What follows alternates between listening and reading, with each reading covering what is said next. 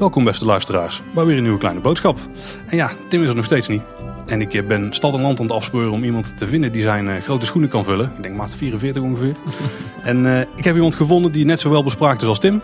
Uh, Domien Verschuren, welkom bij Kleine Boodschap. Hey Paul, dankjewel. Ja, hey, Domien, je bent natuurlijk bekend van al je jaren bij 3FM. Ja. daar ken ik jou vooral van en tegenwoordig Q-Music. Maar voor ons veel relevanter.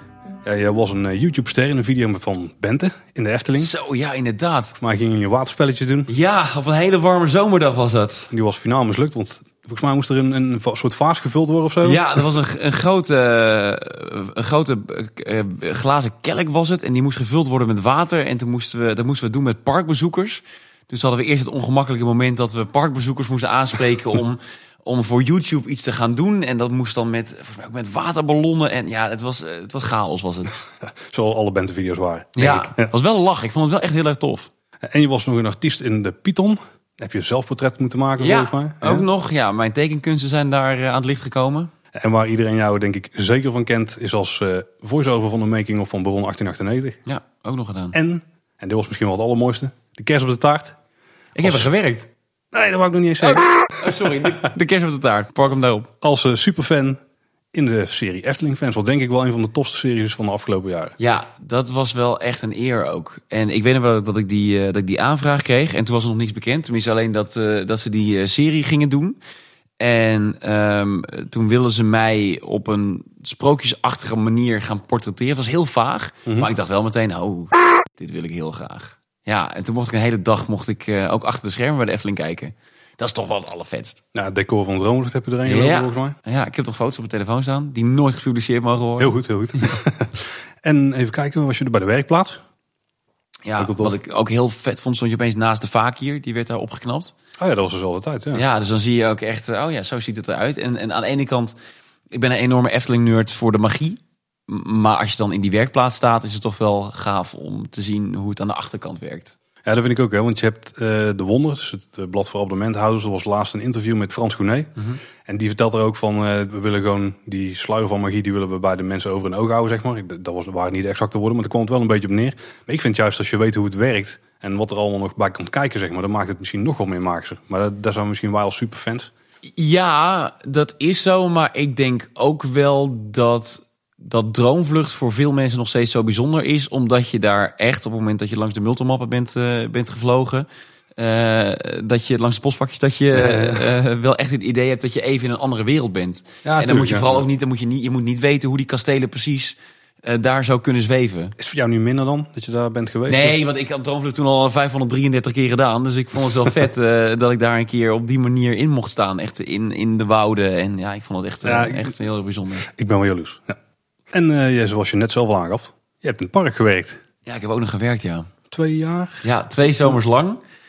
Um, toen ik 16 en 17 was. En dat wilde ik zo graag dat wij, drie vrienden en ik, ons al hadden opgegeven toen we 15 waren. Oké. Okay. Ja, en de Efteling heeft in de zomer natuurlijk extreem veel medewerkers nodig, extreem veel uh, vakantiekrachten. Dus ze waren toen al aan het recruteren. Ik weet eigenlijk niet zo goed hoe we daarbij kwamen. Ik kan me nog iets herinneren van een flyer of van een mail die we hebben gekregen. Dat ze ook toen al expliciet op zoek waren naar 15-jarigen. Die dan in de zomer van, nou wat was het toen, 2003 of 2000, ja, in mijn geval 2003, zich al wilden aanmelden voor de zomer van 2004. Als je dan 16 jaar werd, dan mocht je daar werken. Dus dat hebben we meteen gedaan. Zo.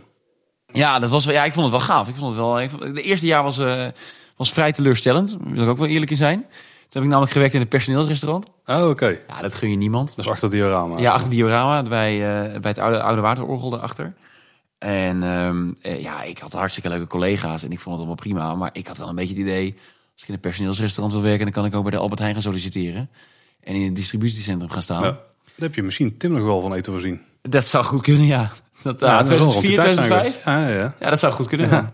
ja, maar ik vond het allemaal heel spannend. Want dan moest je achter de counter staan en dan uh, moest je eten opscheppen. En ik probeerde uh, ja, af en toe dan maar vooral een beetje bij de kassa te zijn en zo. Dat vond ik dan interessanter. of in de spoelkeuken, dat vond ik heel relaxed werk.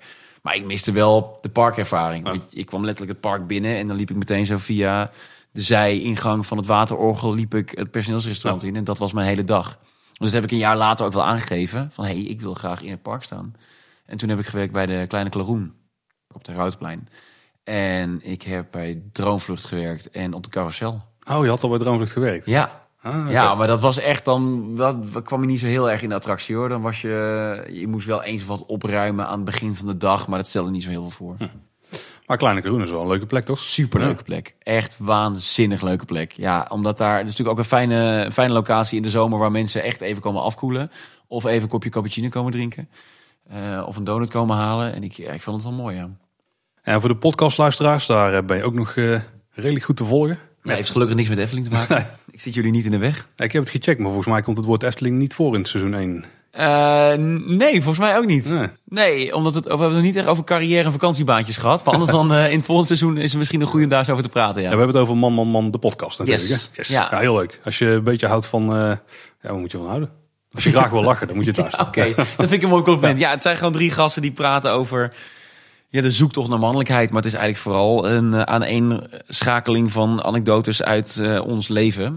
En dat is niet altijd even succesvol. Er zitten er bijzondere tussen inderdaad. Ja, zo kun je het noemen. Ja, vrij bijzondere. Nou, voordat we de onderwerpen diep induiken. Tim kon natuurlijk weer niet laten om een uh, voice clip in te sturen. Dus Tim, kom erop met die update. Hey Paul, hey Domien, Tim hier. Hey, wat leuk dat jullie vanavond samen een nieuwsaflevering opnemen. Uh, ik had er graag uh, bij geweest, uh, zeker met alle spannende nieuwtjes die jullie deze aflevering weer gaan melden. En natuurlijk om ook eens een aflevering met Domien te maken. Maar goed, het, het, het, kan helaas nog niet zo zijn. maar ik geloof dat we in de toekomst misschien nog wel eens wat gaan opnemen met Domien. Maar goed, ik wens je in ieder geval een hele leuke en fijne nieuwsaflevering. hier gaat alles goed. Uh, ik begin al aardig aan uh, mijn groter geworden gezinnetje uh, te, te, wennen. Alles gaat ook goed hier thuis. Ehm, dus ik hoop binnenkort ook de opnames voor Kleine Boodschap weer, weer op te pakken. Dat zal nog wel even puzzelen zijn, want ja, Paul die zal het ook wel kennen. het is het, normaal gesproken nemen wij onze afleveringen één keer in de twee weken op. van half negen s'avonds tot, nou, pak een beetje middernacht. En ja, dat zijn nou net uh, even de turbulente uurtjes als je net een babytje hebt. Dus dat is nog even een uitdaging uh, wanneer we weer uh, precies gaan opnemen. Maar goed, hopelijk kunnen we op een ander moment weer wat tijd vinden. er staan in ieder geval nog heel veel leuke afleveringen op de planning. en gelukkig liggen er ook nog wat afleveringen met mij op de plank. Maar voorlopig moeten jullie dus nog even zonder mij doen. maar goed, ga vooral, uh, maak er vooral iets moois van uh, weer vanavond. Ik ben zelf uh, inmiddels wel weer een aantal keer lekker in de Efteling geweest. zelfs ook met de baby erbij. dus ik heb ook nog wat dingetjes voorbij zien komen in het park die wellicht interessant zijn. Die heb ik ook ingestuurd voor ons grote draaiboek. Dus wie weet komen die ook nog wel voorbij tijdens de opnames vanavond. Nou, veel plezier. Maak er een mooie aflevering van. En ik hoop heel snel weer zelf te kunnen opnemen. Houdoe waar. Nou Tim, ben maar niet bang. Jouw input zit er zeker in nog. Ik wil even feliciteren ook op deze plek, want dat heb ik nog niet gedaan. Van harte. Kijk Tim, van harte. Ja. Hij zullen even het uh, nieuws induiken. Of eigenlijk eerst uh, een paar zaken rechtzetten die wij verkeerd hebben gemeld in andere ah, afleveringen. Dat is altijd mooi, ja, dat gebeurt, gebeurt nooit. De follow-up. Ja, als je Carnaval Festival nog niet helemaal beu bent, het hele verhaal er rondomheen. Ik uh, ben zelf nog bij Wat het daglicht niet kan verdragen op NPO 1 te gast geweest. Dat was heel leuk. Dat was om half vier s'nachts. Dus ze hebben ook jou gevonden om te praten over het Carnaval Festival? Ja, ik was wel op meerdere plekken gevonden, maar dit, dit was de enige waarbij ik kon aanschuiven. Oh, ja. Want het was om half uur s'nachts en dan moest ik dus mijn nest uitkomen. Heel leuk, maar was wel, uh, was wel gezellig. Ja. Dus we zullen de link delen in de show notes. Kun je even checken. Er was ook nog wat te doen over de muziek van Monsieur Cannibal. Want de, de melden we ook toen. Ja. Er was een instrumentale versie van gedraaid. En dan heb ik het even gecheckt, want er was wel onduidelijkheid van niemand. Want ik heb het gehoord. Ik denk, dan ga ik in het park checken van kan ik hem horen, maak een filmpje, dan is er bewijs. Nou, er was niks te horen. Want ik ben de zaterdag naar de rand geweest, niks te horen. Donderdag naar de rand geweest, niks te horen. Dit weekend nog geweest, ik kon het ook niet horen. Wat blijkt nou? Die instrumentale muziek die bestaat en die wordt ook wel eens gedraaid. Maar die wordt alleen maar gedraaid als er filmopnames zijn of videoopnames. Ah. En wat was er natuurlijk die dag heel veel te doen. Carnaval Festival, Festival aan de andere kant. Ja. Ik hoorde dit in de, in, de, in de, voor een van de vorige afleveringen. Ik dacht, ik kan me dit niet voorstellen. Dit is ook, Efteling is niet het park dat, dat hints gaat geven. Het is geen Wie is de Mol. Ja, ze hebben één hintje gegeven, maar daar komen we daar ook wel terug. Oké, oké. ik kon me niet voorstellen dat er echt dat er nu afgewisseld werd met instrumentaal en dat er dan een, een enquête kwam over wat, wat prefereer je of wat valt het lekkerst. Dit uh, was een logische verklaring, vond ik. Ja. ja. dus de gezongen versie draait nog steeds als ze niet met camera ploegen op het plein staan. Daar onder mij staan, okay, ja. En dan hadden we nog de vorige aflevering, de plattegrond uit 1991. En uh, daar hebben we toch wel wat steeks laten vallen, als we de luisteraars mogen geloven. Of in ieder geval hebben we een aantal dingen niet gemeld. Laten we het daar dan vooral op houden. Vier aan voorafgaand. We hebben echt wel de tofste luisteraars. Je kijkt naar de feedback die we hierop krijgen, echt super vet. we kregen bijvoorbeeld van Tristan te horen dat er voor de renovatie in 2007 van het diorama, dat daar ook zitplekken waren, ook in stijl van treinen, dus van wagons. maar dan dus wel iets simpeler dan nu. Dus niet meer van die bankjes waar je echt helemaal in moet schuiven. Maar meer een soort uurbankjes waar geen tafels tussen zat. Tim die vulde daar nog op aan dat er daarvoor ook nog hele simpele bankjes waren. Zoals je volgens mij ook in het Sprookjesbos gewoon vindt. Van die houten, ja, houten zitvlakken. Meer, veel meer is het eigenlijk niet. Uh, Tristan meldde ook nog dat dat interactieve spiegel die in het Sprookjesmuseum stond. Dat dan nog steeds een attractie is in de mini-Efteling. En ik weet dat Tristan daar ook dingen doet, dus uh, dat weet hij goed. Patrick Willems die meldde nog alleen witte duiven op de plattegrond. Heb je goed bij de Bob gekeken? Dat heb ik nou daaronder eens gedaan en daar zat ook een gele duif. Er zat één gele duif op? Ja, maar die had misschien een ongelukje gehad. Maar waarom een gele duif dan? Hè? Eén gele duif. Ja. Er waren vier of vijf witte. Ja. Dat is me nog steeds een mysterie. Ja, we kunnen het niet meer checken bij uh, Henny Knoet. Wiens naam overigens dus wel gewoon op de plattegrond stond. Dat was Ramon ons dan weer te melden. Waar dan? Oh jeetje. Ja, dat is, je moet wel goed zoeken. Maar hij staat erop, dat is waar. En die naam staat dus rechts onder op de plattegrond. Dat is een beetje bij die gekke hand die uit die eh, boomstam komt. Echt daar vlak onder. Dus daar hebben Tim en ik niet goed op gelet. Ramon had nog veel meer aanvullingen. Echt een hele thread op Twitter. Moet je maar even checken daar. Uh, maar had in ieder geval nog een paar belangrijke punten. Dat is namelijk bij Jokies Wereld. Het gebouw wat er nu de staat is uh, een nieuw gebouw wat na 1997 is opgetrokken. In 1997 is het oude gebouw helemaal plat gegooid. Dat soort dingen weet Ramon. Dat is mooi hè? En het volk vanavond Anton Pieckplein hoorde volgens Ramon bij het Noorderpark. Dus dat je van het, noorden, oh, van het Westerpark naar het Noorderpark kan lopen over de dubbele laan. Kon helemaal niet. Want dat was gewoon hetzelfde parkdeel. En Roy Jansen die meldde nog uh, dat ook de winkel bij Carnaval Festivals, wat nu Jokies Wereld is, dat het vroeger Jokie de Pretneus Souvenirs heette. Met drie R's, want 3 R, zo moest alles geschreven worden. Dat is belangrijk. En dat de duivenvoerautomaat op het Routenplein nooit was gebouwd. Nou, dat wisten we eigenlijk wel, maar daar hadden we toen nog wat discussie over. En, dan komt jouw voormalige werkplek, dat de kleine Klaroen die naam in 1991 helemaal nog niet had. Weet je die dan? Kreeg die pas in 2000. Had helemaal nog geen naam. Uh, werd wel soms aangeduid in de jaren 80 als de, als de heruit. Stond op een paar plekken. Het heeft zo lang geen naam gehad? Ja, geen officiële naam. Dat vind ik ook niks voor het park. Ja, uh, nou, ja nee. Nee, dat, nee, er zijn weinig horecapunten die echt geen naam hebben, toch? Ik zat nog te denken, dat kogeloog, maar dat was het al het kogeloog al. En die had, ja. Maar de, de, de, de, bijnaam was de Heroud. Ja, omdat het op het Heroud Ja, precies. Ja, ja, ja. Dus uh, vanaf 2000 pas een naam. Dus een paar jaar later uh, ben jij daar gaan staan. stond ik er, ja. ja. En dan hoofdonderwerpen. Fiets jij wel eens? Ja, zeker. Nog nooit naar de Efteling gefietst. Zeker weten, 2004, 2005. Iedere ochtend drie kwartier van huis naar de Efteling uh, gefietst. Jazeker. Als je nu vanaf het noorden komt, of vanaf het zuiden is de route vergelijkbaar denk ik dan vroeger. Want je kwam vanuit Tilburg. Ja. ja. Dan uh, kan er straks via een andere route. Want de fietstunnel die onder de Europalaan doorgaat, die is inmiddels geplaatst. Dat is echt een flinke operatie. Ze hebben daar gewoon uh, heel de Europalaan eigenlijk voor afgesloten. Ja, een, een week hè? Normaal ja, ja. vrijdag. En het hele Efteling Hotel hebben ze leeg gelaaien, want het ging best wel flink Ja, dat snap ik ook wel.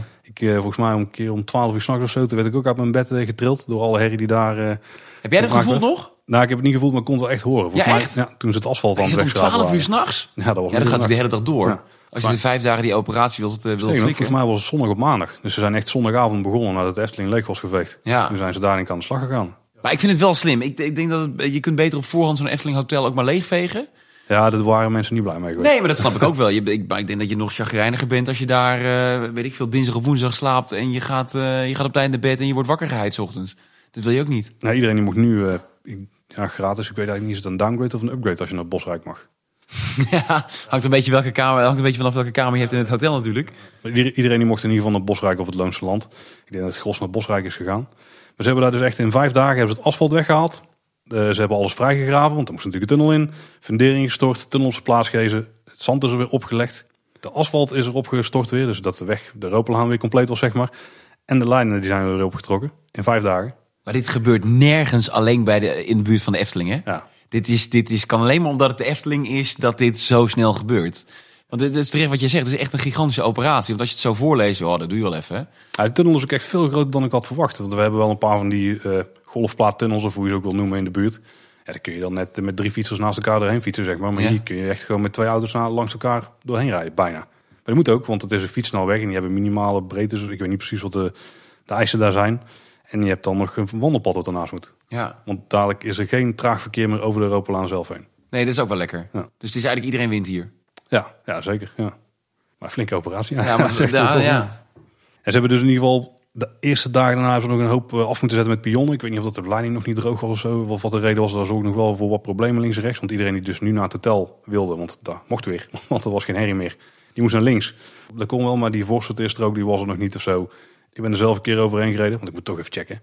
Je wilt wel even zelf meemaken. Dan kan ik er in ieder geval uh, met, met, erover met praktijkervaring kan ik er iets van over vertellen. En er was inderdaad, er was maar één uh, baan die naar rechts ging. De Efteling heen.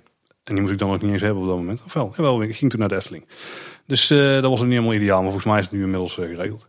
En als je echt goed wil zien hoe dit aan elkaar steekt, Airpro Waalwijk op Facebook, die heeft echt super vette foto's gedeeld hiervan. Ja, gaaf. Mooi. van bovenaf dat je het hotel ziet liggen. En wat heel tof is, die heeft ook foto's van Strookrijker opgezet. Van wat de situatie daar nu is. En wat is de situatie nu? Uh, dat daar een bouwtrein ligt. Ja. Basis in principe niks aan doen zijn, want nee, daar zijn alle voertuigen voor uh, Je mag niks nu. Ja. Helaas. En dat is dan eigenlijk het volgende puntje. Of misschien moeten we hem anders aanvliegen. Valentijn. Is voor veel mensen toch wel... Uh, dan, dan, moet je een beetje romantisch doen en zo. Nou, dat hangt een beetje vanaf, hè, wat de afspraken zijn thuis. Ja, dat klopt. We hebben trouwens de afspraak dat we dit jaar gewoon eens keer niks doen. Oh ja. Ja, wel. Dat zeg ik wel. We hebben net een weekendje weggeboekt. Dus eigenlijk klopt Voor Valentijnsdag nog? Ja, wel met de kinderen. Maar, dat is, maar dat is het excuus, hè? Doe je er wat, ja, dat is waar. Maar doe je er wat aan of doe je juist niks aan omdat je hebt afgesproken dat je er niks aan doet? Of ben je toch nog die hopeloze romanticus dat je denkt, nou toch maar even... Ik heb alle keren dat we hebben afgesproken dat we niks hebben gedaan, heb ik toch stiekem iets gedaan. En hoe viel dat? Ja, dat viel goed. oh ja, nou ja, Ik ben blijkbaar best wel een goede cadeau geven, want ik geef altijd iets waar de vrouw van warm wordt. Ja. Dus een elektrische deken of een grote vliesdeken. Echt gouden cadeaus. Ja. ja.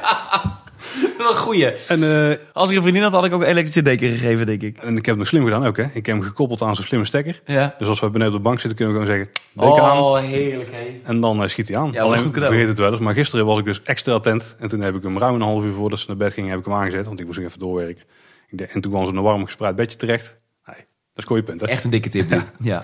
Uh, maar ik, ik, ik wil er eigenlijk een, een hele gekke manier hebben om aan te vliegen. Dat met Valentijnsdag, 14 februari, deze week dus, donderdag. Hopelijk is deze aflevering dan al uit. Ik verwacht dat die donderdagochtend uitkomt. Dan is de zitting bij de Raad van State rondom het bestemmingsplan van de Efteling. Ja, ja dit is dag één van waarschijnlijk nog heel veel, hè? want uh, dit gaat nog wel even duren. Nou, ik heb het helemaal uitgezocht, want bij gebrek aan Tim, uh, niks te nadelen van jouw domein. Maar ik, ik, ga er niet vanuit. Ik hoop niet dat je weet hoe dit allemaal werkt. Nee, ik heb niet uh, precies de hele agenda op een, op een rij staan. Ik weet alleen dat de Raad van State procedure, dat, dat, dat slik je niet even in één dag weg. ik zou eens proberen om uit te leggen wat het nu betekent. Ik wil daarna over napraten hoe en wat. Want ik wist het zelf ook niet precies. Want het ging erover dat er dat de spoedgevallen of zo, dus dat die behandeld zouden moeten worden. Ik denk, oké, wat zal dat dan zijn? Uh, de Raad van State die reageerde overigens weer naar ons. Dat was wel redelijk sympathiek van ze. Uh, dat ze alleen echt die spoedgevallen gingen behandelen. Nee, dat weten we nog steeds eigenlijk niks, want we weten niet hoe of wat. Ik ga het proberen uit te leggen. Dit is niet, bijna niet te volgen. Maar ik ga het toch proberen. Het gaat uiteindelijk erom, wanneer treedt het bestemmingsplan in werking? Want als het bestemmingsplan in werking treedt, dan mag de Efteling in principe aan de slag. En dan is er weinig nog wat in de weg ligt. Maar daar komen we daar nog op terug. Er is beroep ingediend en er is gevraagd om voorlopige voorzieningen. En die twee dingen die moet je even los van elkaar zien. Stel dat er alleen beroep was ingediend, dan was het bestemmingsplan in principe direct in werking getreden. Maar dan was het nog wel terug te roepen, zeg maar. Dus dan kon het nog wel afgezwakt worden, of het moest aangepast worden, of het kon helemaal van tafel afgeveegd worden. Maar nu zijn er voorlopige voorzieningen gevraagd en dat betekent dat het niet direct in werking treedt. Dat er eerst naar die voorlopige voorzieningen gekeken moet worden. En dat zijn dus die, uh, ja, die, die spoeddingen, zeg maar, die, die aandacht behoeven. En die zitting gaan ze nu dus hebben. Dus we gaan nu een zitting hebben waarin ze bepalen of dat die voorlopige voorzieningen dat die terecht zijn, of dat die toegekend worden. Daar ken ik de exacte terminologie niet helemaal. Het komt in ieder geval op neer als ze komende donderdag, dus hopelijk vandaag, besluiten dat die niet terecht zijn, die voorlopige voorzieningen. Dan treedt het bestemmingsplan direct in werking. Dan mogen ze door. Ja. Nou, komt die uitslag over pas zes weken later. Of ergens de komende zes weken, maximaal zes weken later. Maar als ze dus besluiten, het is niet terecht, dan is het in principe hetzelfde als dat er alleen beroep was ingediend. Dan treedt het bestemmingsplan direct in werking. En dan kan het later nog afgezwakt worden of dat het helemaal niet doorgaat. Want dat is de beroepsprocedure, die komt al later. Wanneer die is, dat weten we nog niet. Ja. Als we nu morgen besluiten het is wel terecht, dan kan het nog steeds zijn dat er een deel van het bestemmingsplan in werking treedt. En dit zou gunstig kunnen zijn, want het zou in theorie kunnen zijn dat dan het strookrijkdeel, dus aan het oosten, dat er wel doorgaat. Of dat, dat, dat daar geen wijzigingen zitten, want daar zijn de klachten in principe ook niet. Dus de rest treedt dan nog niet in werking, of het geheel treedt niet in werking. Dat kan ook, dat ligt er net aan wat ze besluiten daar. Dus dat zijn in principe de opties die er zijn. Dus of ze keuren het af, nou dan is er in principe meteen een bestemmingsplan, maar kan nog wel afgezwakt worden of afgekeurd worden in een later stadium. Dan weet ik niet hoe groot die kans is. Maar dat houdt dus in, dus stel het bestemmingsplan wordt dus nu min of meer goedgekeurd. Ze mogen, ze mogen beginnen. Ja. Dan kan het dus nog zijn dat over drie maanden...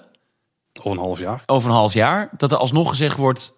Hé hey jongens, fijn dat jullie begonnen zijn. Leuk dat er al een kwart staat. Ja. Maar er zijn er een paar puntjes. Stop maar weer. Of blaas het maar af. Ja, dat kan een theorie, ja. Maar ik weet niet hoe het in het geval van de Efteling is. Want het ligt er misschien ook aan hoe het beroep is ingediend.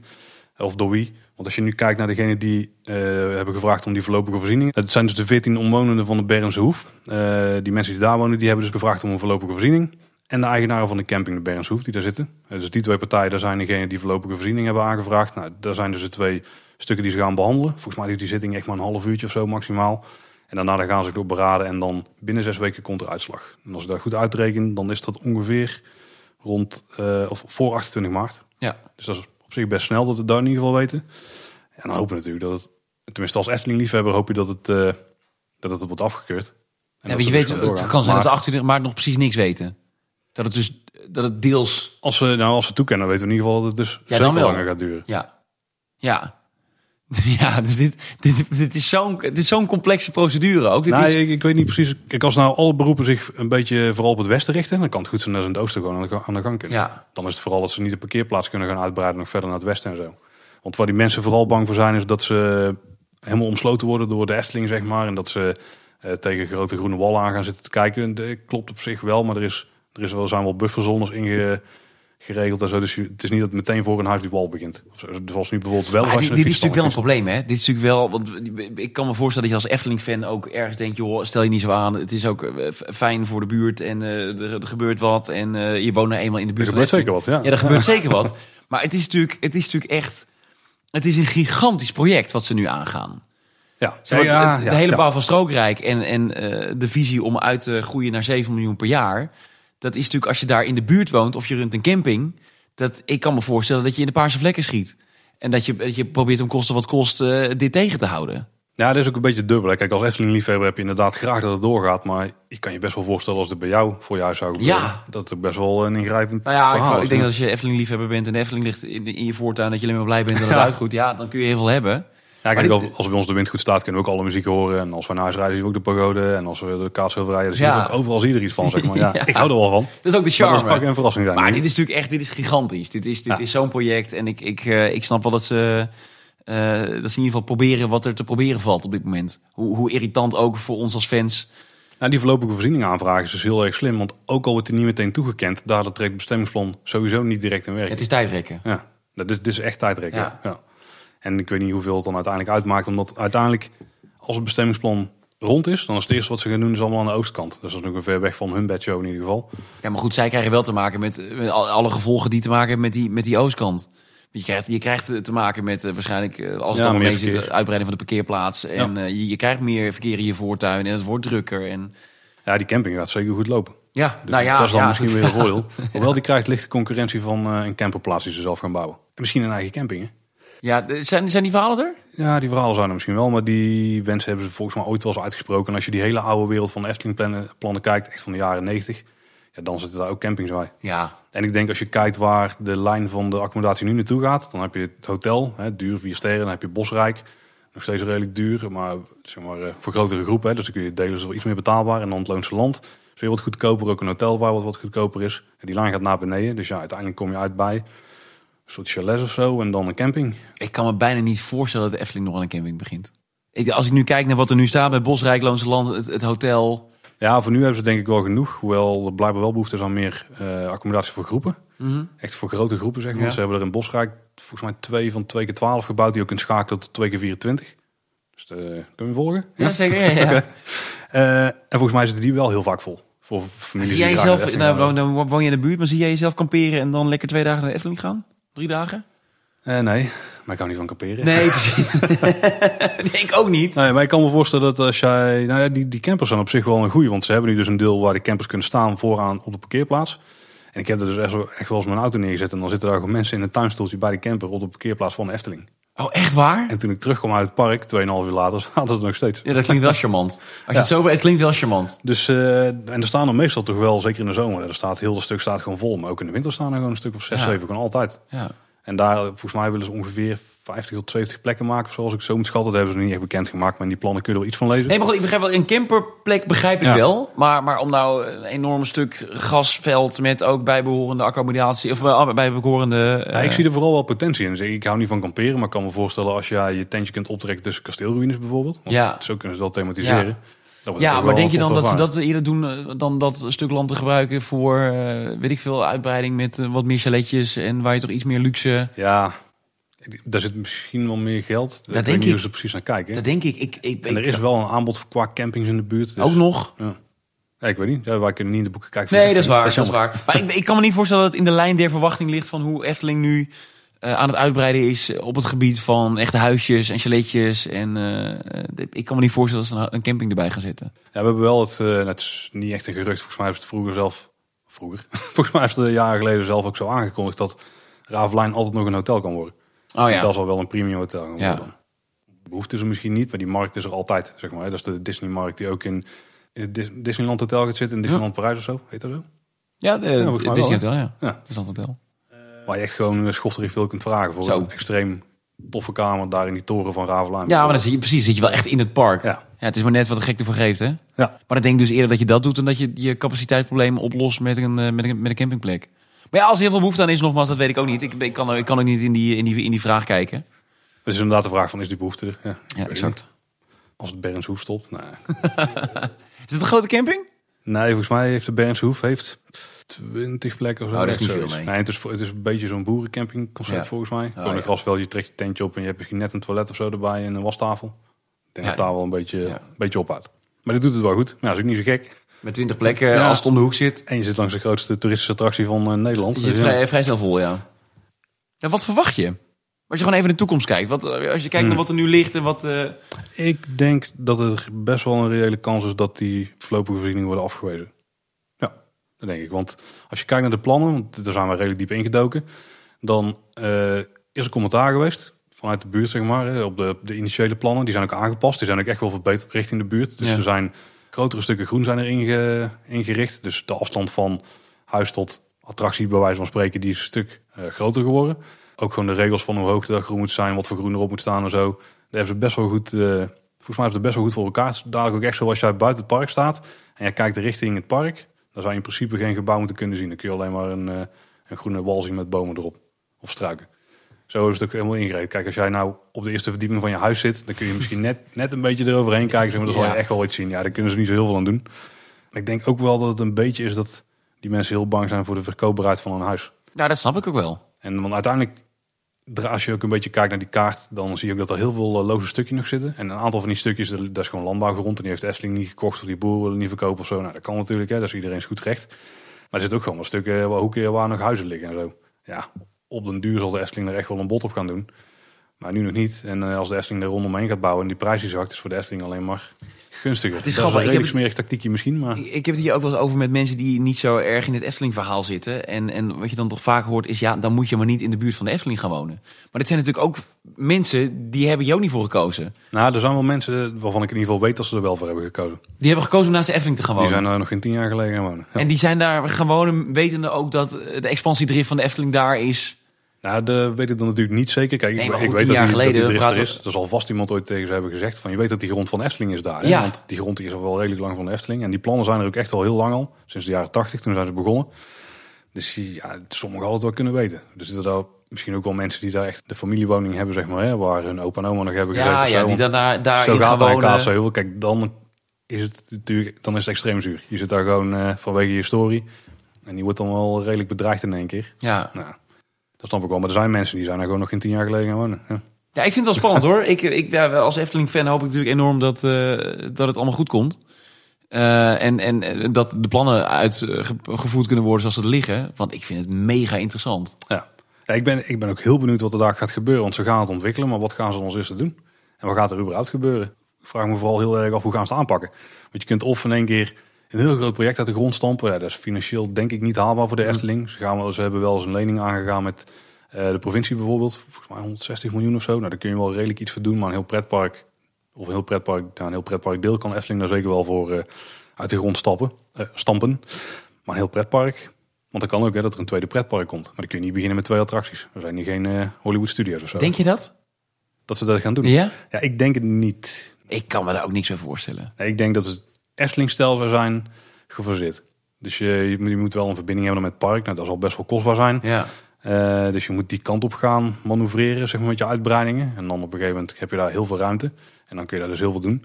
Ik weet niet precies. Uh, ik, maar heel eerlijk, zo, zo, diep zit ik dus niet in dit verhaal. Maar zijn er, zijn er hints, zijn er verhalen geweest dat de Efteling bezig is of ideeën heeft voor een tweede park?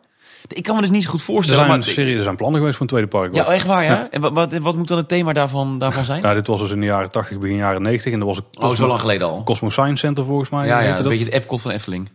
Een mini Epcot. was één gebouw volgens mij volledig overdekt. En een soort uh, bijna Evoluon. Uh, in ieder geval, ik, heb alleen, ik ken alleen maar de plattegrondjes van bovenaf. En dat is gewoon een cirkel. En extreem groter dan wel. En daar zat dan van alles in. Ja, ja. Ze hebben uitreikplannen gehad. Uh, volgens mij was de locatie ongeveer op de plek waar nu het terrein zit. Ja, waar nu de fietsenstalling zit en het terrein ernaast. Mm En dat daar dan het uitrijk zou komen. Dus daar met uitgaansgelegenheden, misschien een bioscoopzaaltje. Uh, in ieder geval veel restaurants en uh, ook nog wel entertainment vast links en rechts. Kijk, dat ze zoiets op iets grotere schaal nu doen op die ruimte die vrijkomt, zie ik wel gebeuren. Dat er misschien een overdekt, een overdekt attractieparkje zou komen. Zie ik ook nog best wel gebeuren, want dan kun je ook los uitbaten, zeg maar. Een zwemparadijs zou ook nog best kunnen. Ja. Is ook zo'n nieuw wat Europa Park nu aan het proberen is. Maar uiteindelijk hoop ik toch dat ze echt een heel groot stuk attractiepark daar neerzetten. Sowieso omdat het type park wat ze daar mogen neerzetten is compleet anders dan wat de Efteling nu is. Dus ik denk dat dat wel uh, heel, elkaar echt kan versterken, zeg maar. Want de Efteling nu is open, groen en ruim. Want daar mag je met 11% bebouwen, dat deel van het park. Maar alles wat aan de westkant komt, dan mogen ze tot 60% bebouwen. Ja. En dat is superveel. Ja, en dan kun je dus echt een sprookjesstad zeg maar, maken. Ja. En als ik dan kijk naar die themagebieden die ze van Harry Potter hebben gebouwd in uh, Orlando. Dan denk je van, als, als je dit met een Efteling twist hebt, dat zou toch super vet zijn. Ja, dus dat je het wel, dat je de eigenlijk een soort van mini pretpark in de Efteling verpakt. Dus dat het wel een, een, een ja, themagebied, hè? Ja, echt een, ja, maar echt een ander soort themagebied dan dat je in de rest van het park ziet. Dus je kunt, je kunt veel meer, je hebt veel meer ruimte om te bebouwen. Ja, ik denk dat dat voor de afwisseling echt super vet is. Want dan heb je dus het hoofdpark, dat is dan aftussen. Het is één park dan in mijn hoofd nog steeds. Al weet ik niet hoe praktisch het is. Maar je hebt dan dus het uh, oude Efteling. En dat is lekker ruim open, heel, heel, veel, heel veel groen, heel veel bos en zo. En hopelijk is dat echt weer die plek waar de attracties zich ontsluiten. Hè, als je tussen de bomen uitkomt. Wat hopelijk dus in Strookrijk zeker wel gaat gebeuren. En dan aan de westkant, dan is het meer het, het stedelijke bebouwde. Zeg maar. Dus als je die kant op werkt, dan wordt het waarschijnlijk ook steeds bebouwder en zo. En dan uh, kom je redelijk organisch daar terecht. Lijkt mij best wel een... Uh... Het is wel echt een stuk overbruggen, hè, wat je moet. Ja, ze kunnen dus wel, dat is het terrein wat net over hadden, van de fietsstalling en uh, het, het lemterrein, dit wat ernaast ligt. Als ze daar dus al een deel attractiepark gaan meebouwen en dan een brug over de weg mogen ze maken, dat zit ook in de, in de plannen. Dan zou je daar wel redelijk goed heen kunnen werken. Maar dan heb je dus één stuk, ja, dat is dan een soort pad van 20 meter breed of zo, waar eigenlijk niks gebeurt.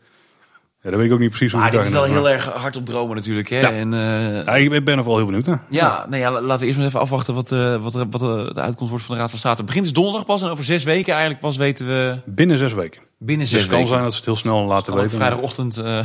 Nee, ik heb dus begrepen, ik heb een beetje te lezen hoe ze dat gaan doen. En ze hebben dus die zitting. En dan blijft de, de, de zittings... Ik weet nou, de term dus weer niet, met de zittingsvoorzitter of zo.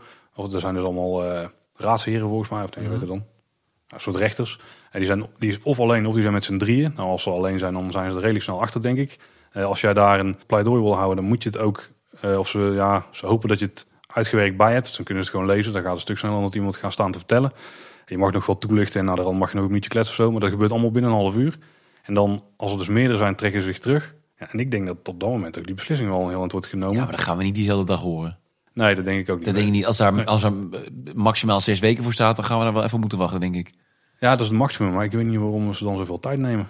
Ja, om toch nog even door, door, te lezen. Toch niet in de heat of the moment iets precies. Maar dit zijn dit. Ik ga nu uitspraken doen. Hier zit ik helemaal nou, als goed is, hebben ze zich al goed ingelezen van ja, tevoren. Ja, maar ja, maar ja, goed. Het betoog kan toch net even een ander licht op een, ja. op een zaak werpen. Ja. ja, maar zouden ze dan na een week of vier nog een keer samenkomen en dat dan nog een keer gaan ja, kijken of zo. Ja. Nou, dus in ieder geval binnen zes weken weten. Dus op zijn laatst, 28 maart. Ja, dat is al bijna. Zo voelt het Ja, dat is al bijna. Dat kan ik je vertellen, dat is over zes weken. Ja. dus uh, spannend. Maar ik heb er toch wel een soort van zin in. Want het is wel weer de volgende stappen. Ja. Die, eigenlijk is de volgende Hij moet ook gewoon gezet worden natuurlijk. Hè? Hij, om, de, om de ambities van de Efteling te realiseren... moet deze stap wel gezet worden. En Efteling kennende gaat het ook wel vroeg of laat gebeuren. One way or another. Het gaat sowieso gebeuren. Het gaat sowieso gebeuren. De vraag is alleen even hoe en wanneer. Ja, en lichtelijk in welke vorm. Maar ik denk dat het ook dan niet heel erg gaat veranderen. Ik denk dat het max nog 10 meter er wordt vanaf gesnoept. Of zo. Ja. Van, van het uh, stukje wel echt attracties kunnen worden.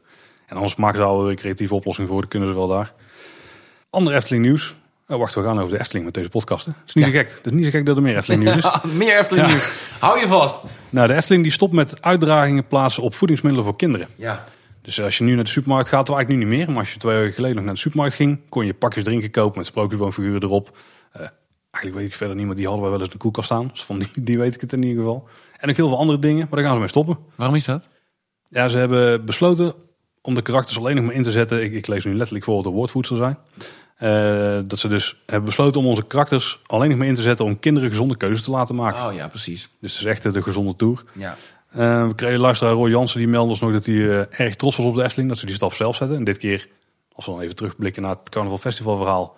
Sowieso zonder druk van buitenaf. Is dat geen protestgroep achter in dit nou, geval? In ieder geval geen piekdruk, zeg maar. Hè? Want zoals bij andere punten misschien wel nog is gebeurd.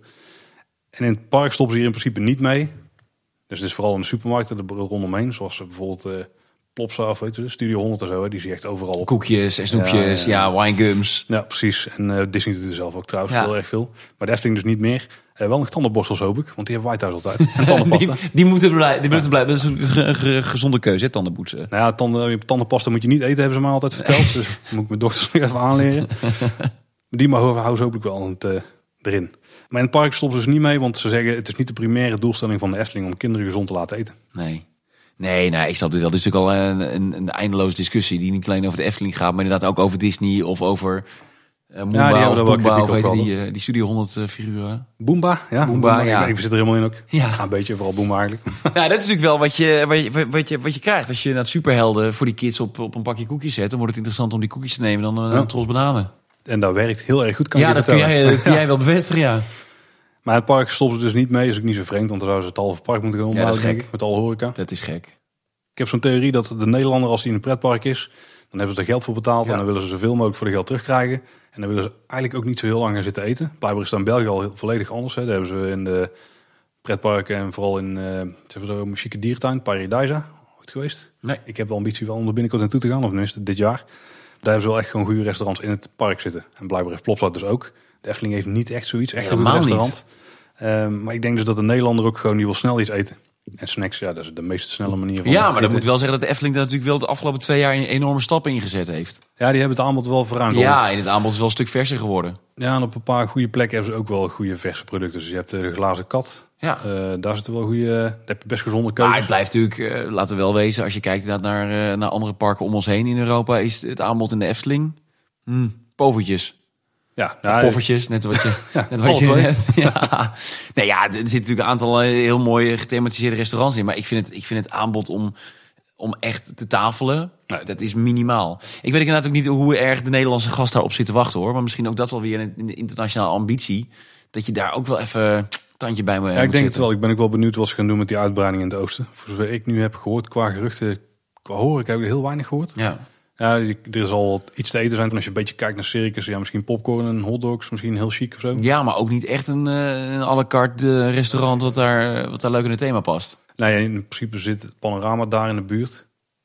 Maar ook geruchten van waar dat iets uh, chiquer zouden gaan worden, maar dat lijkt niet te gaan gebeuren. Maar die zit daar vlakbij, dus dat is echt zeg maar, op 100 meter afstand dadelijk. Dat is misschien iets te dichtbij, maar... Panorama is natuurlijk ook wel... Ja, dat is een beetje vergane glorie. Ja, dat is wel verouderd, hé.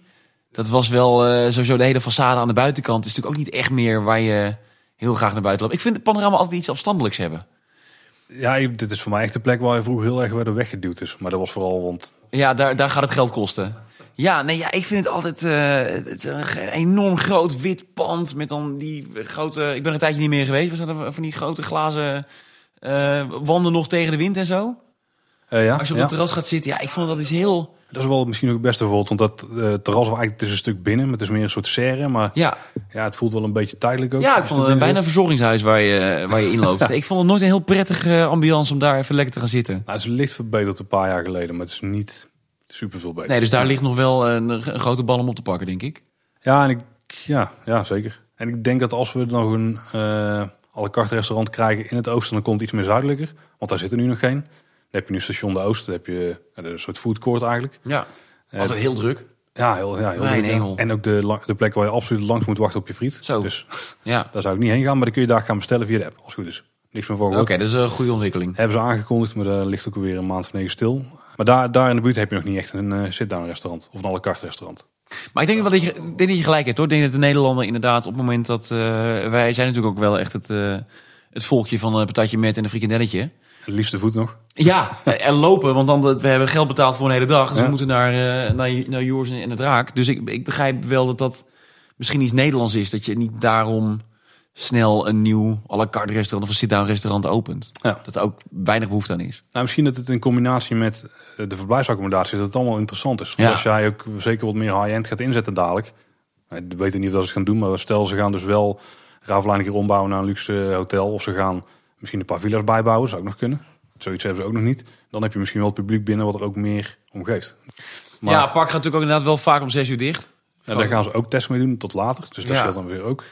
Ja. Ja, ja, als je een beetje kijkt naar de grote voorbeelden, zijn dan toch Disney en zo. Die parken zijn laat open, daar hebben ze goede restaurants. Ik denk dat het ook wel een beetje hand in hand gaat. Want als je mensen hebt die wel langer blijven, of die langer kunnen blijven, dan nemen ze die tijd misschien ook wel eerder om iets langer te gaan zitten tafelen. Maar als je om zes uur weg moet, dan ga je niet om, uh, om nee. vijf uur ergens aan tafel zitten. Dan is het een frietje. Ik, ik, vind het dus heel moeilijk om, om, om het te verplaatsen in een bezoeker die niet is opgegroeid met de Efteling zoals wij zijn ik, ik, vraag me dus heel erg af, wie zijn de mensen die echt twee, drie dagen naar de Efteling gaan en dus ook besluiten om overnachten in uh, het Loonse Land is natuurlijk al vrij prijzig. Dat, dat, je betaalt er wel flink voor. Ja, Loonse Land valt er nog wel mee. Ja, en, en je hebt entree erbij. Daar ja, dat is, waar, dat is waar. Dat is waar. Maar goed, het, kost, het kost wel mhm. allemaal, het kost allemaal geld. Het kost allemaal extra geld. Dus je bent, je bent daarmee al best wel wat, uh, wat geld kwijt. Je hebt natuurlijk een huisje waar je een fornuisje in hebt en een koelkast. Ja. Ik denk ook wel dat het heel Hollands is om dan toch even je eigen maaltje, al is het even een snelle pasta in elkaar te flansen in zo'n huisje. Ja, dat is misschien ook wel, ja. ja. Dus ik, ja, ik, ik vraag me heel erg af, wat, uh, voor, voor wie zou je dan inderdaad zo'n mooi restaurant nog moeten openen? Maar goed, in Disney werkt voor mij. wel. Ja, voor jou. voor mij ook. Ik zou er heel graag, en zeker als de parken tot 8, 9 uur open blijven, of het park tot 8, 9 uur open blijft, dat, dat, dat de openingstijden wat worden verruimd. Ja, dan is het wel interessant om daar toch een, uh, een restaurant te hebben waar je even kunt zitten en waar je wat beter kunt eten dan een patatje met. En het is denk ik ook voor abonnementhouders echt super interessant gewoon. Want wij komen ook gewoon wel eens in het park om echt te gaan eten. Dat is dan het primaire doel dat we er zijn. Ja, maar je bent net even niet iets andere bezoeker. Nee, dat is ook zo, natuurlijk. natuurlijk. maar, er zijn best veel abonnementhouders, hè, dus dat scheelt weer. Ja, dat is waar. dat is waar. Maar als je wilt groeien naar 7 miljoen, dan gaat het natuurlijk om die dagjes mensen die je wilt binnen hebben. En, uh, ja, vooral die verblijfskasten. Ja, die, die wil je hebben. Ja, daar moet je toch wel iets meer voor aanbieden dan, dan even dan een snelle hap, denk ik. Ja. Hoe kwam we? Oh, bij het eten. Ja, ja we waren bij, uh, bij, de, bij de gezonde keuze voor kinderen. Ja.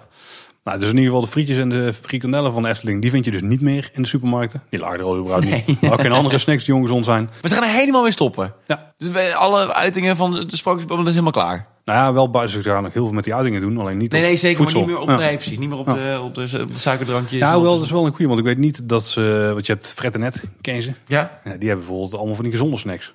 Maar dat doet de Efteling helemaal niet volgens mij. Dus... Maar ja, wil je dan inderdaad uh, je karakters nog wel in de supermarkt hebben liggen op de gezonde keuze? Of denk je nou... Sprookjesbroom broccoli. Ja. Hey, dat is goud, hè? Ja, ik denk dat jouw kinderen inderdaad heel erg hard op zullen gaan, ja. Nou, het is vandaag dat we opnemen de 12e, dinsdag. En dan was weer groot Efteling nieuws. Hadden we weer geluk, hè? Dit was natuurlijk al ja, afgelopen. Nou, eh, een collega van mij die vroeg... hoe kan het toch dat de Efteling tegenwoordig iedere dag in het nieuws is? Ja, daar hebben ze mensen voor op kantoor zitten die daar heel goed ja, kunnen regelen. Ja, die doen dat verdomd goed, ja.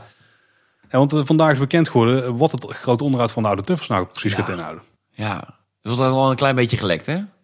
ja, nou, dit, dit was inderdaad waar ik net een beetje op doelde. Dit was al een Wie is de Mol hint. Ja, nee, dat is waar. Ja, op de plattegrond was al wel wat, eh, was al wat weggegeven. Ja, maandag 18 februari, dan gaat de attractie dicht. Eh, maar vanaf vandaag weten we dus wat er nou ja, bijna precies gaat gebeuren. Want daar zijn ze altijd heel goed in hè, bij de Efteling. Dan vertellen ze, dit gaan we doen. Ja. Maar eigenlijk heb je dan meer vragen aan het einde nog dan dat je van tevoren al had. Ja, we gaan iets interactiefs doen. Oké, ja. wat dan? Ja, weten we wel een beetje, maar wat het dan precies gaat inhouden. Ga ze wel bekendgemaakt, dan gaan ze delen. Maar even uh, samenvattend. Uh, het besturingssysteem wordt compleet vervangen. Uh, er komen nieuwe auto's en pick-ups. Er kunnen vier personen in die voertuigen zitten. Dat is eigenlijk dus vergelijkbaar met nu. Er komt een dubbel instapsysteem. Dus beter voor de capaciteit. Het blijft toegankelijk voor gasten met beperking. Ze gaan alle verlichting vervangen door LED-verlichting. Dat is iets wat we al vaker hebben gehoord ja. tegenwoordig. Um, er komen scènes met boerderijdieren. Uh, er komen interactieve elementen langs de route via de klakson op de auto. Er komt muziek. Daar ben ik heel benieuwd naar.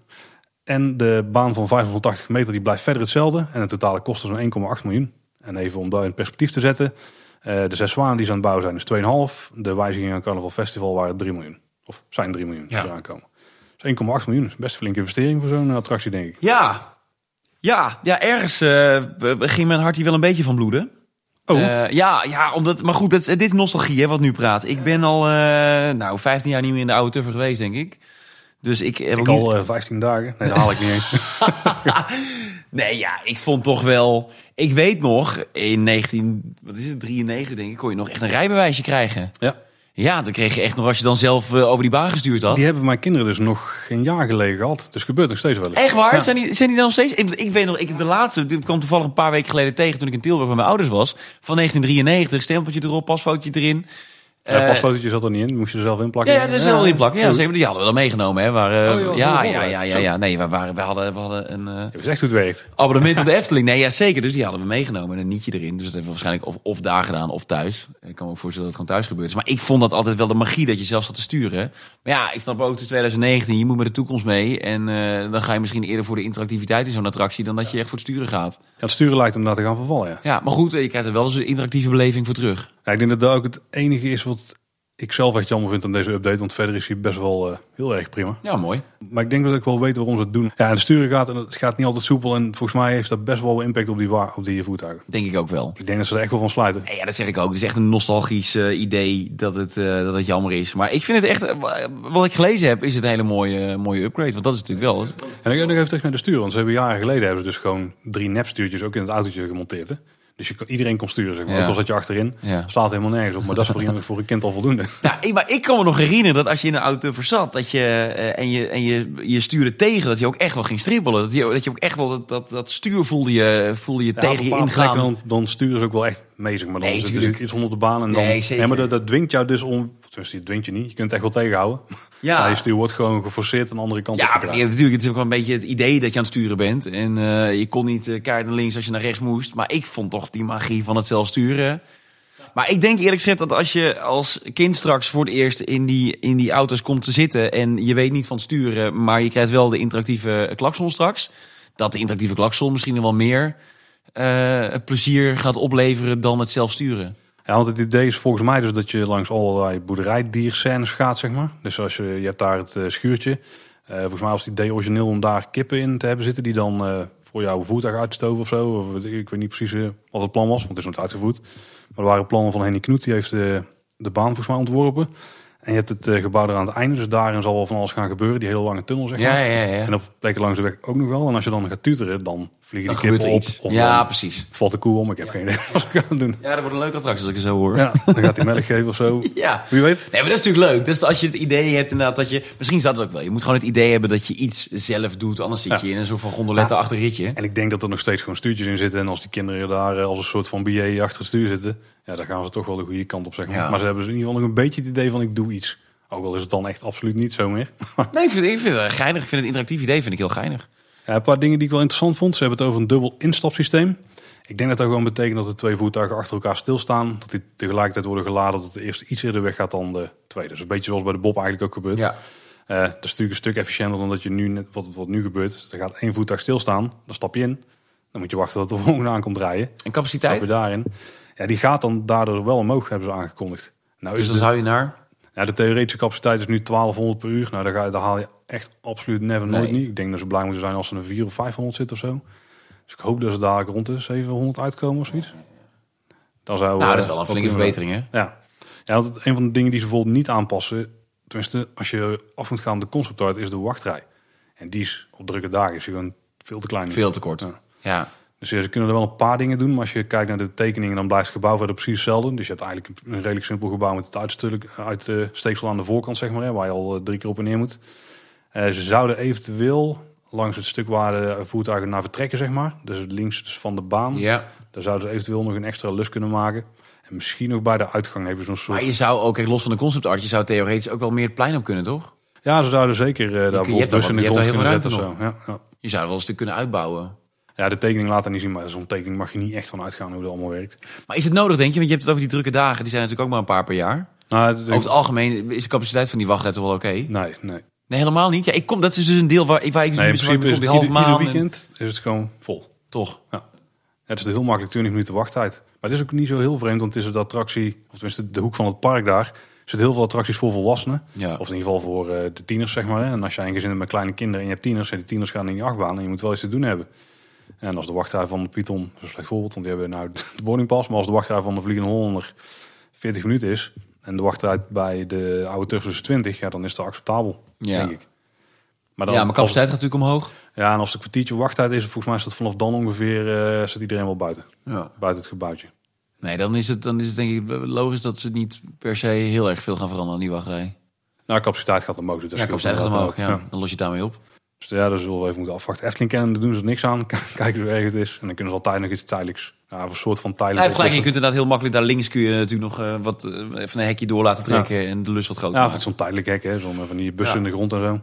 Oh ja, misschien een punt wat jou heel erg aan hart gaat. De muziek. Of er komt muziek. Er komt eindelijk muziek. Ja. Er is, het is niet helemaal duidelijk of dat het originele muziek is. Ik ga er wel vanuit. Dat denk ik wel. Want ze hebben het over een aanstekelijk deuntje. Nou, ja, ik kan me niet voorstellen. Merkelbach. Precies. ja, ik kan me niet voorstellen dat ze daar iets van uh, de Beatles gaan draaien of, uh, of uh, Sniff the Tears. Nee, ja, dat, wordt, dat, wordt wel, dat wordt wel weer een, een bepaald thema dat ze daar gaan laten horen.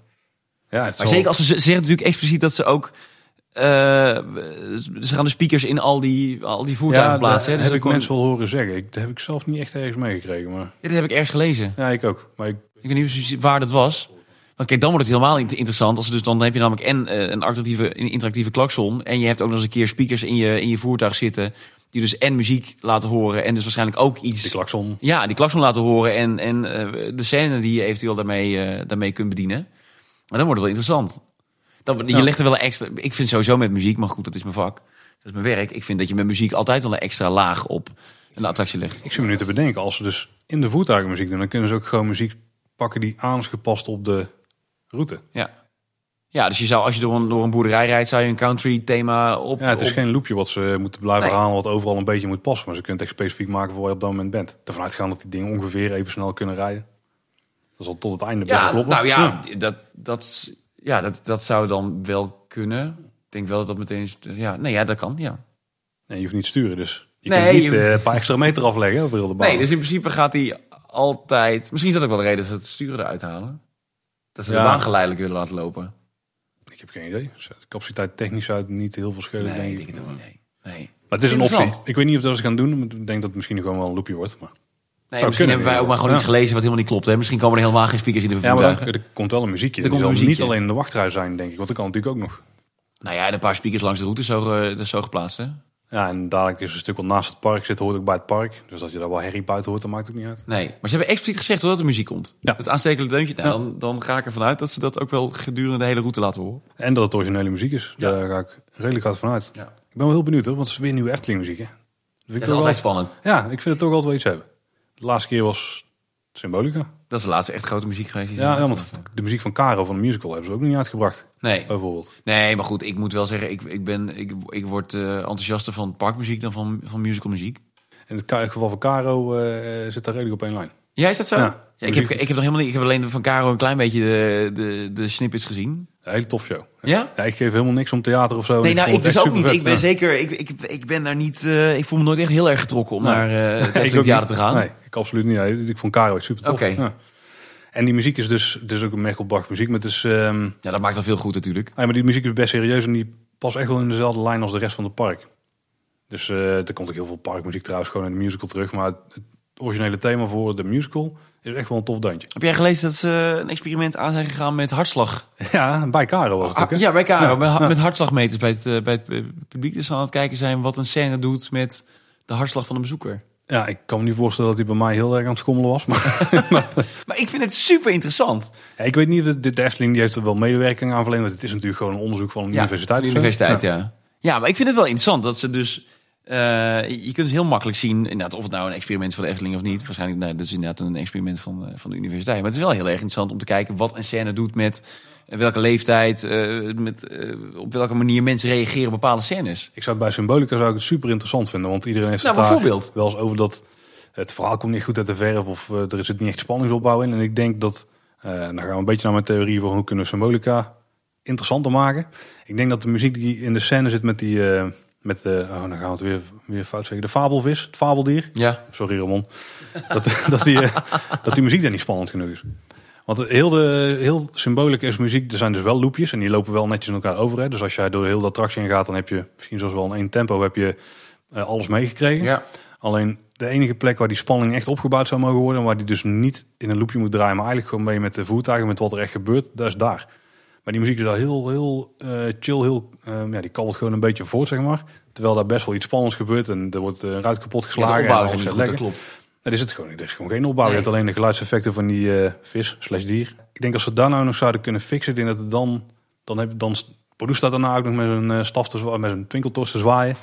Pas op wat je zegt, ja, hè, ik moet echt opletten. Ja, ja. De tofste luisteraars, maar die corrigeren wel alles. ja, moet je zo meteen daar houden we van, de, de volgende aflevering met een hele rectificatielijst beginnen. Dat, dat, doen we ongeveer iedere aflevering, zoals je net al hebt gemerkt. Je blijft bezig. Dat alleen maar langer. Maar die staat er dan te zwaaien en dan heb je, ja, dat voelt er zit helemaal geen gevoel bij. Nee, jammer is dat. Dat klopt ja. al. Want dat is inderdaad de, de, de, enige scène die echt een beetje impact ja, zou kunnen zou maken. Kunnen en dat, dat ja, dat ontbreekt wel door de muziek die een beetje vlak blijft. Terwijl niks te klagen over de muziek verder. Want ik nee, vind het, supergoed. Het thema is fantastisch. Maar dat is het enige puntje waar ze daar wel iets mee, mee zou kunnen doen. En daar zouden ze dus mooi kunnen meten. Want dan kun je echt AB testen. Ja. Van hoe is het origineel en hoe is het met. Daar zelfs met dezelfde mensen nog wel best prima kunnen doen, denk ik. Ook al weten ze al wat er gaat gebeuren. Maar volgens mij zou dat daar echt super veel schelen. Nou, nee, je moet het dan wel doen met nieuwe bezoekers. Natuurlijk. En wat ze dan bij Caro mee doen, ik heb echt... Nee, ja, ik ook niet. Maar ik, ik vond het heel interessant om te zien dus dat inderdaad Efteling al gezegd heeft, is goed, kom maar doen. Ja. Uh, nee, maar ook wellicht dat de Efteling daar meer informatie uit kan halen over bepaalde scènes of hoe scènes worden opgebouwd of welke muziek natuurlijk ook oh.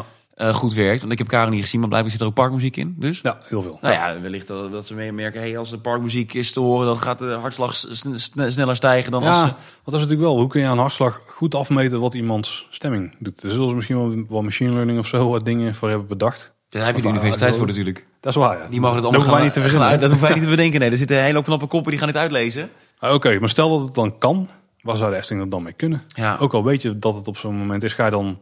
Want in dezelfde show gaan ze daar weinig meer aan wijzigen. Want hoewel die draait er wel voorbij. Nou ja, welke parkmuziek zit erin bijvoorbeeld? Uh, Joris en de Draak. Uh, Pannendroom zit er zelfs in. Nou ja, stop. Die de tijd. Als je dus ziet dat bij Joris en de Draak de hartslag net wat meer stijgt. Ja, omdat... dat zou je het kunnen verwachten. Maar goed, vergeleken met Pannendroom stijgt overal de hartslag natuurlijk ja. uh, Kijk. meer van.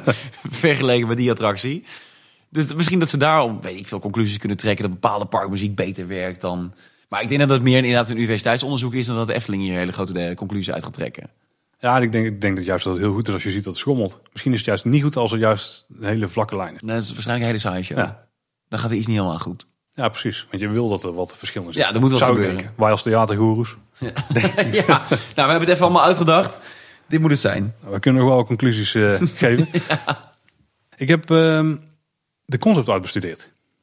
Ik heb er goed naar gekeken. En even vergeleken met de werkelijkheid. En ik weet dat je hier echt helemaal niks aan hebt. Want zo'n concept art kun je echt meestal niet zo heel veel van, uh, van afleiden. Behalve dan dat bijna alles wat nu er staat, dat ook gewoon blijft staan. Een paar dingen die wel opvallen is dat op de concept art dat je alleen die pick-up ziet. Ja. En de Efteling zeiden ook van dat uh, daar achterin kun je niet droog zitten. Maar de, op de concept art zie je dus de pick-ups. En daar zit toch een soort van dakje of zo achterop. Ja, dus dat zou dan niet het definitieve design zijn? Nee, nou, wat het vooral is, is dat uh, alle pick-ups zijn gewoon exact hetzelfde. Sommige zijn gespiegeld en er zijn overal precies zo op de baan gezet dat de hoek klopt met ja, ja. de hoek van het pick-upje. Dus daarom staat er ook geen oldtimer op. Um, overigens zitten de mensen voorin dus wel droog. Hè? Alleen de mensen achterin die zitten op een bankje denk ik of zo in de open lucht. Maar hoe het dan precies zit weet ik niet. Want als je kijkt naar de plattegrond in de app, dan zitten daar niet die dakjes op. Hoe dat dan wel zit, Ja. nou, dat gaan we zien. Als je in ieder geval kijkt naar, uh, en dan, sorry Tim, ik ga het nou helemaal vanachtelen, maar hij heeft me verteld hoe ik het moet uitspreken. Maar als je kijkt naar Farfashbil in Liseberg, Liseberg, zoiets, zoiets moet je zeggen. Kan jij Zweeds? nee, Oké. waar gaat het over? Over een uh, park in Zweden Ja. In uh, Göteborg, waar ik hopelijk uh, over een paar maanden naartoe ga. Maar daar heb je ook een oldtimer achtbaan en die heeft dus ook van die voertuigen met volgens mij en oldtimers en van die pick-ups. En daarin zit je dus achterin op een bankje. Gewoon. Ja. En voorin kun je dus, ik weet eigenlijk niet of je dat kunt sturen. Dus eigenlijk kunnen we wederom uit de concept art niet precies halen wat het wordt. Nee, ja, ik denk dat het sowieso is. Het zal een standaard leverancier zijn misschien. Ik weet niet in hoeverre de Efteling het zelf helemaal gaat laten maken. Nee, is dat nodig bij deze attractie? Ja, ik denk het niet. Sowieso al een, Voor dat een shelf-attractie. Dus Ja. ja. nou, dan wordt die dan nog een keer. Ja, Maar wel met een mooie omgeving. En eh, daar vielen we dus een aantal dingen op in de concept art. Ehm, je hebt in heel de attractie drie bruggetjes zitten. Je hebt die twee grote, die zitten een beetje op de helft van het parcours. ja. Eh, maar er zit ook een kleintje aan de voorkant. Daar gaat een klein stroompje onderdoor. En die staat er dus niet op. Heel het stroompje is ook gewoon weg in de concept art. Maar dus, maar of dat er echt, echt zo zou zijn, dat weten we niet. Ik denk dat het wel mee zal vallen. Eh, ze hebben een hoop meer hekken geplaatst bij die bruggen. Misschien ook voor een soort veiligheidsdingetje zo. Want het is vooral richting het water en de binnenbochten, zeg maar. Dat daar eh, meer hekken zijn. Er lopen wat vreemde strepen over de weg als je weer terugkomt over de tweede brug. De tweede grote brug, zeg maar. Dan kom je weer langs een schuurtje. Er staan wel vreemde strepen op de weg. Ik weet niet wat het betekent, maar die vielen wel op.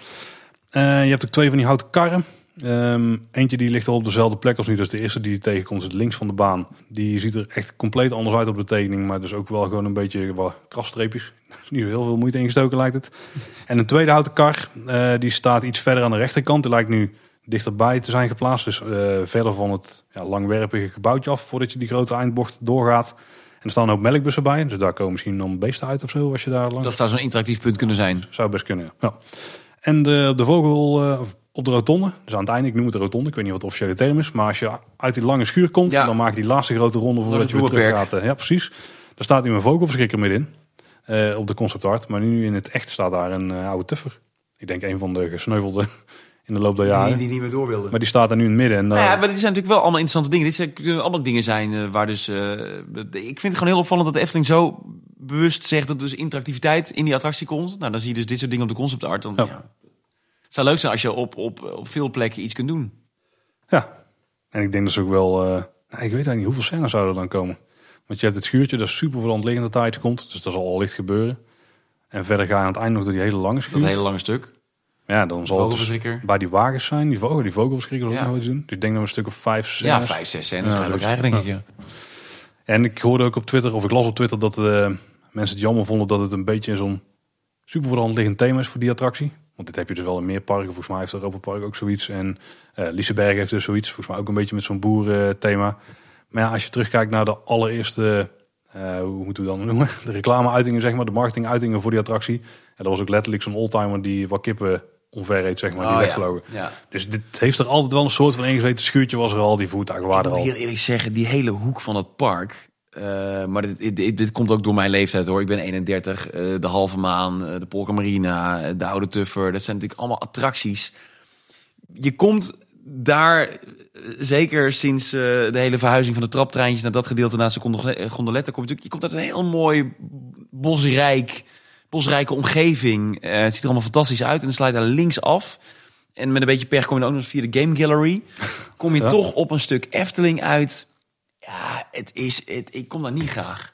Omdat het zo stenig is, het zeg maar? is kaal. Nee, het is kaal. Ik vind het een beetje kil ook. En, en uh, het, het, het, ik heb al een beetje het idee dat ze dat, dat, ze dat een beetje vergeten Dus ik was heel, ik was heel verbaasd dat ze 1,8 miljoen hierin gingen pompen. Ik denk, hé, hey, er zit blijven toch nog wel iemand op te letten erbij. Ja, het wordt dadelijk een heel belangrijk parkdeel, denk ik. Want als er een doorgang komt naar de nieuwe strookrijkstuk, ja, of nieuwe stuk, dan gaat hij dus langs de auto verlopen. Ja, maar goed, dan, je, moet, je zult dan nog wel even je game moeten upsteppen, om het in een goed Nederlands te zeggen. Er, is daar zo, is dat, in mijn beeld, in mijn beleving, is er zoveel ruimte die niet heel lekker benut wordt. Ja, ze hebben wel wat pogingen gedaan. Ik vind overigens trouwens het gevelrijtje van de halve maan vind ik wel heel tof. Het, is wel echt nee, het ziet er fantastisch uit. Dat, dat klopt, zeker, zeker aan die kant. Maar die, zit, die ligt natuurlijk tegen de, tegen de, boskant aan. Nou, ik, ik denk, ik, ik weet het niet. Er mist misschien nog wel een boom of zo, wel, wel hoog groen. Ja, iets in dat, met het midden van dat plein waar dan die bankjes staan waar, waar je naar de, naar de maan kunt kijken. Ik, ik, ja, Ze hebben er wel iets geprobeerd te doen, hè, met zo'n soort strandje of zo. Ja, of, uh, ja. Snap ik, nee. Strandje. Is aardig, maar ik snap het niet helemaal. Nee, het is allemaal net niet helemaal gelukt. Dus ik ben heel blij dat ze in ieder geval nu bij de oude Tuffer aan het kijken zijn om daar, om daar een upgrade eh, uit de grond te stampen. Ja, als je keek naar de concept art, dan zag je wel dat het heel veel parcours heel erg groen was. Ja. Maar ik denk dat het ook gewoon een beetje... Ziet er op tekening goed uit, De vlug uit was. Precies. Nou, nu liggen er heel veel bloemperken en zo nog. En die zag je daar niet. Nee, ik hoop dat ze die wel gaan houden, want dat hoort daar wel een beetje natuurlijk. Ja. Nou, we gaan het eh, zien. Ik vind overigens wel, dat vind ik dan misschien nog wel een van de... Dat is in ieder geval een jammerlijk stukje Efteling. Dat is de zijkant van station de Oost, waar je de toiletten in gaat meestal. Ja. Dat is echt gewoon zo'n kale muur met nog net als stukwerken tegenaan, maar dan zit er zo'n nooddeur in. Ja, dat hebben ze nog net even bedacht. We moeten nog een klein beetje aan de afwerking denken. Zet van, oh, je moest eigenlijk een heg komen, dan zijn we vergeten. Mensen moeten ook naar het toilet of zo. goed, ik vind station de Ooster zelf, ik vind, het, ik vind het wel echt, die, die upgrade die ze hebben gedaan aan dat station, ik vind het heel tof. En ik vind dat hele foodcourt idee vind ik leuk. Nou, we hebben het al over gehad, het is daar heel druk. Dat is dan natuurlijk de capaciteit, dat klopt niet helemaal. En je gaat lauwe friet. Maar ze hebben daar wel dat, dat deel, als je dan weer zeg maar die bossen ingaat richting de Python en de Hollander, dat, ja, dat vind ik dan wel weer tof gedaan. Maar het ligt ja, zo... voelt wel knusser ook, hè? Ja, ja dat, maar dat, het, is, het, het mist de knusheid. Het mist de knusheid. En je hebt een game gallery, wat natuurlijk een mooie cash cow is voor de Efteling. Maar dat hele stukje komt een soort van open plek terecht. Ja, ik word daar nooit zo heel erg, heel erg warm van. In de winter Efteling lossen ze dat leuk op met die vuurkorven daar. En dan geeft het wel weer wat meer sfeer. Maar het, is, op zich ook wel een goede plek voor de negen Dan heb je dan meestal entertainment staan aan dat hoekje. Ja, en dan is lekker druk. Eh, voor die, voor die paar weken per jaar. Dat is waar. Even een boompje neerzetten, dat zal een beetje helpen. Ze kunnen daar gewoon een prima wachtrij voor eh, de auto's maken. Ja, ja, daar blijkt wel weer. Toch even een plein gebruiken. Het is wel, ja, ik heb nog wel eens een theorie gehad van misschien gaan ze de entree verplaatsen van de oude tuffers. Nou, dat is bij deze definitief afgeschoten. Dat gaat dus niet gebeuren. En dan komt er misschien nog een invullattractie in de hoekje. Ja, nee, je hebt die ruimte dan. Dat gaat dus maar dat gaat niet gebeuren. Nee, jammer. Ja, wel, ik kan nog een paar andere reacties van de luisteraars opgepikt. Uh, Erwin Scheper vindt het dus jammer net als jou dat de sturen weggaat. Want dat was ook interactief, hè? Ja, maar ik denk wel dat het iets nostalgisch is. En dit is nog wel een interessante. De milde dictator, vaste volger van ons, die is erg bang voor het klaksongeluid. Ik denk dat het wel goed gaat komen. Ik denk niet eens dat het een klaksongeluid wordt.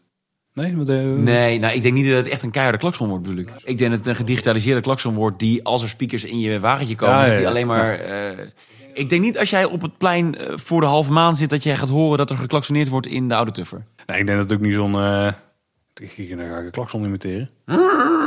Nee, zoiets zal het sowieso niet worden. Ik zal weer Ja, dat denk ik ook. En dan misschien nog iets ingetoner. En je hoort het alleen maar zelf, want hij was vooral bang van... Ja, dat is net ik in de file staan Antwerpen. Nee, dat ga je niet krijgen. Dat ga je echt niet krijgen. Dat kan me dat niet voorstellen dat de Efteling... Nee, dat doen ze ook niet. Nee, die attractie blijft binnen die attractie. En eh, dat interactieve, dat moet vooral ook op jouw stuk in je, in je voertuig blijven. Ik denk niet dat er een hele harde snerpende klakson boven alles uit gaat stijgen. Nee, het is wel mooi als speakers in de auto's hebben of in de voertuigen. Dan hoor je het ook echt alleen maar zelf. Want dan hoeft het ook niet heel hard te laten gaan. Ik denk dat dat gaat worden. Milde dictator vrees niet, het komt helemaal goed. zeggen wij, maar wij hebben ook de speakers in de voertuigen bedacht zojuist. Dus. er is ook feestnieuws in Efteling. Dus stel, het hele bestemmingsplan wordt nog even uitgesteld. Nou, dan gaan we met z'n allen in een hoekje ergens liggen huilen. Maar we kunnen ook nog gaan feesten binnenkort. Ja, we kunnen gewoon de Polonaise gaan lopen. Want OJ Punctuel, bekend van Symbolica, die heeft een eigen carnavalsnummer uitgebracht. Ja. Of eigenlijk is het misschien wel een soort anti-carnavalsnummer. Nou, maar wel op een uh, zeer traditionele, traditionele wijze uitgebracht. Het heet in ieder geval het is ongeheurd wat hier gebeurt. En jij moet het weten, hè? Want jij hebt hem op de radio gedraaid. Ja, ik, uh, ik kreeg een mailtje van uh, het heerschap zelf. Nou, dat is niet helemaal maar de Efteling die, die bereikte mij. Die stuurde mij vorige week een mail met... hey, wij, wij gaan wat leuks doen rondom de carnaval. Hebben we natuurlijk wel eerder gedaan met Adje. Die heeft ooit een op Carnaval Festival gebaseerd liedje uitgebracht. Heeft niet zoveel gedaan. Vond ik ook niet het meest creatief wat ik ooit heb gehoord. Als ik heel eerlijk ben. En nu heeft OJ Punctueel heeft inderdaad een anticarnavals uh, track uitgebracht... waarin hij natuurlijk ongeheurd vindt dat er gehost wordt en geflirt. Ja, dat kan ook niet, hè? Maar het is wel... Eh, nee, het kan zeker niet. Het is verschrikkelijk. En zeker voor, uh, voor iemand als OJ Punctueel. Maar het is wel... het is fantastisch gedaan. Ik vind, ik vind het echt een klappertje. Het themaatje was eraan hebben gekoppeld. Of het concept is echt wel goed. Ja, ja. en maar, een geweldige videoclip erbij gemaakt. Maar even een stukje terug. Jij hebt, het aan, jij hebt hem gedraaid in een radioshow. Ja. En de klonk ongeveer zo. En vandaag is de dag dat OJ Punctueel een carnavalskraker uitgebracht heeft. Geen zorgen als die naam je niet meteen niet zegt. Hij werkt namelijk in de Efteling en is daar secretaris protocolair van de koning in de attractie Symbolica. Het is een uh, heerschap dat nogal goed gaat op orde en structuur. En hij maakte pas per ongeluk kennis met carnaval. En daar heeft hij nu een liedje over geschreven. Ja, ik wil het toch even laten horen. Het is misschien wel een radioprimeur. Zeg nog, ik weet al zeker, het is de radioprimeur van Nederland. OJ Punctueel met Het is ongeheurd wat hier gebeurt.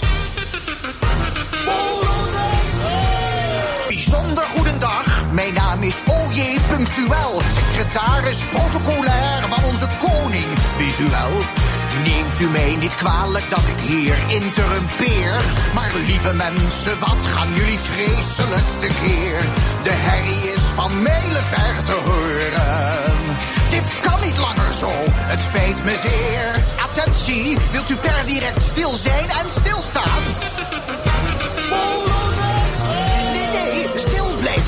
Het is ongehoord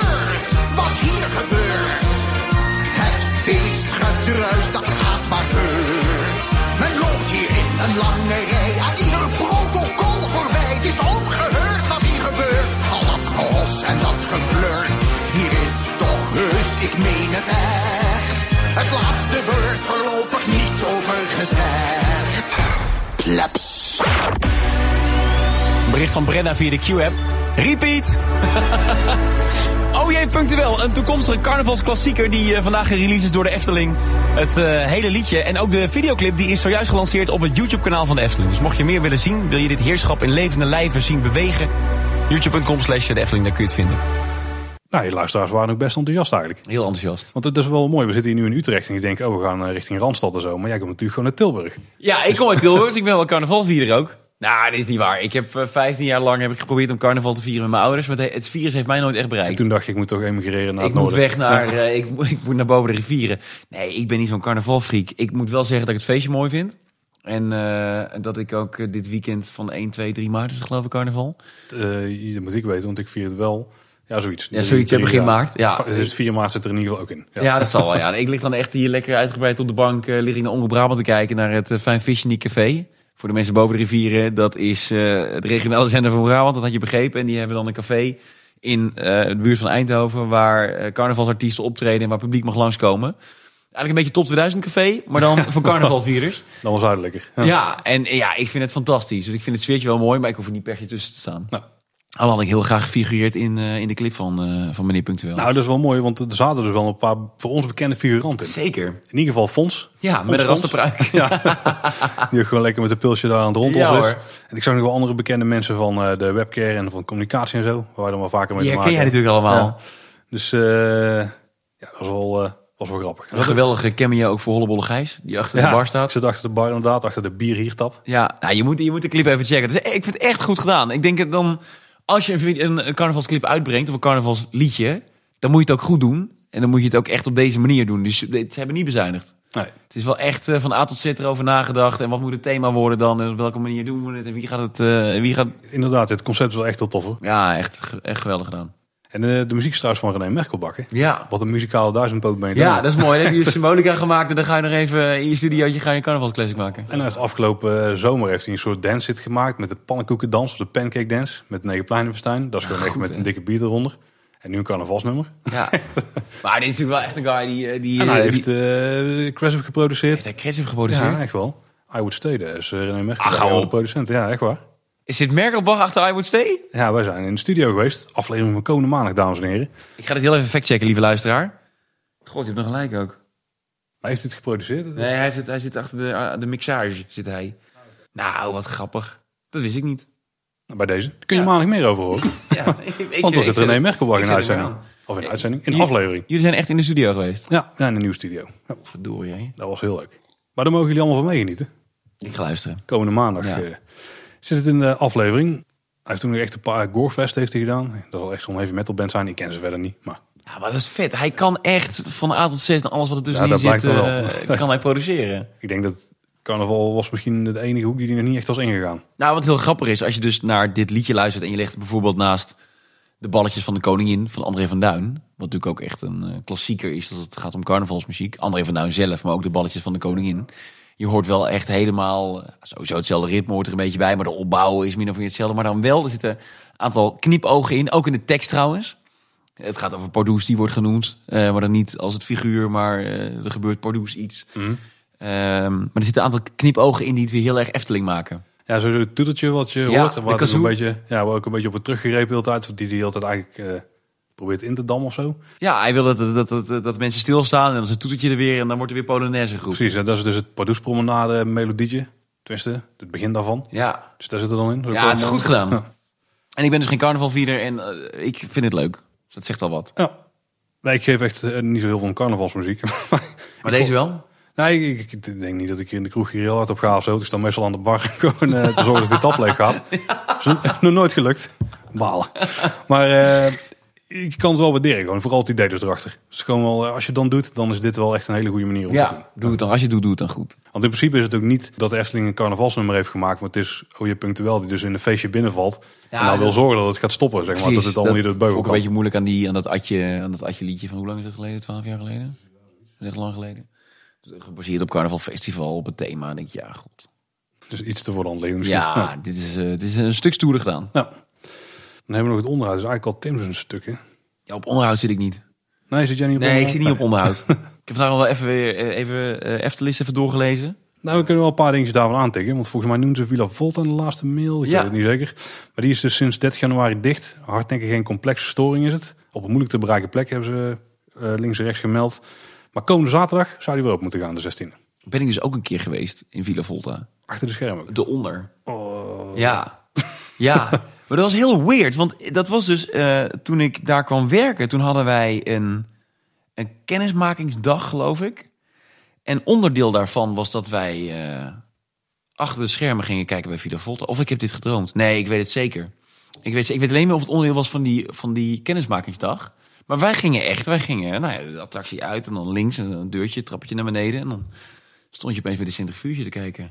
ja, is wel vrij, vrij indrukwekkend.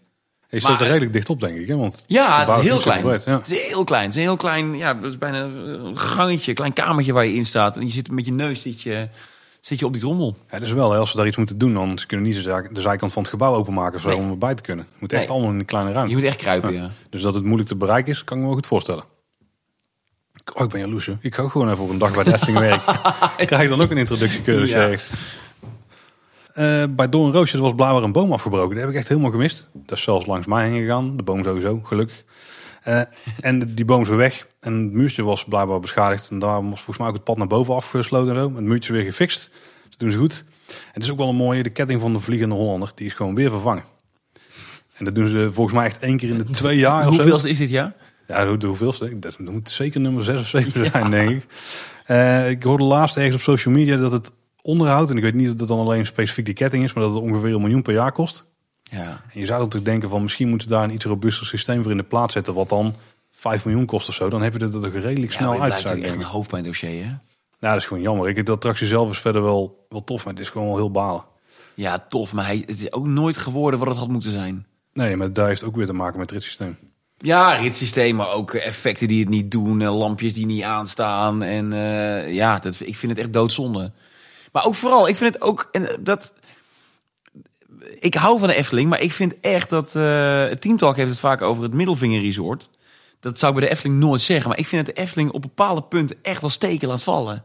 Echt grove steken. De Vliegende Hollander heeft natuurlijk sowieso een capaciteitsprobleem. Ja, hoewel het in theorie de een van de hoogste capaciteit attracties ja, van het nou ja, dat zie je natuurlijk in praktijk op drukke dagen zie je dat niet terug. Hij is ook populair, maar... Ja, maar dat bedoel ik. Het is, het is een populaire attractie, maar wat je ervoor terugkrijgt als je dus nou ja, op een goede dag 60 minuten in de wachtrij hebt gestaan.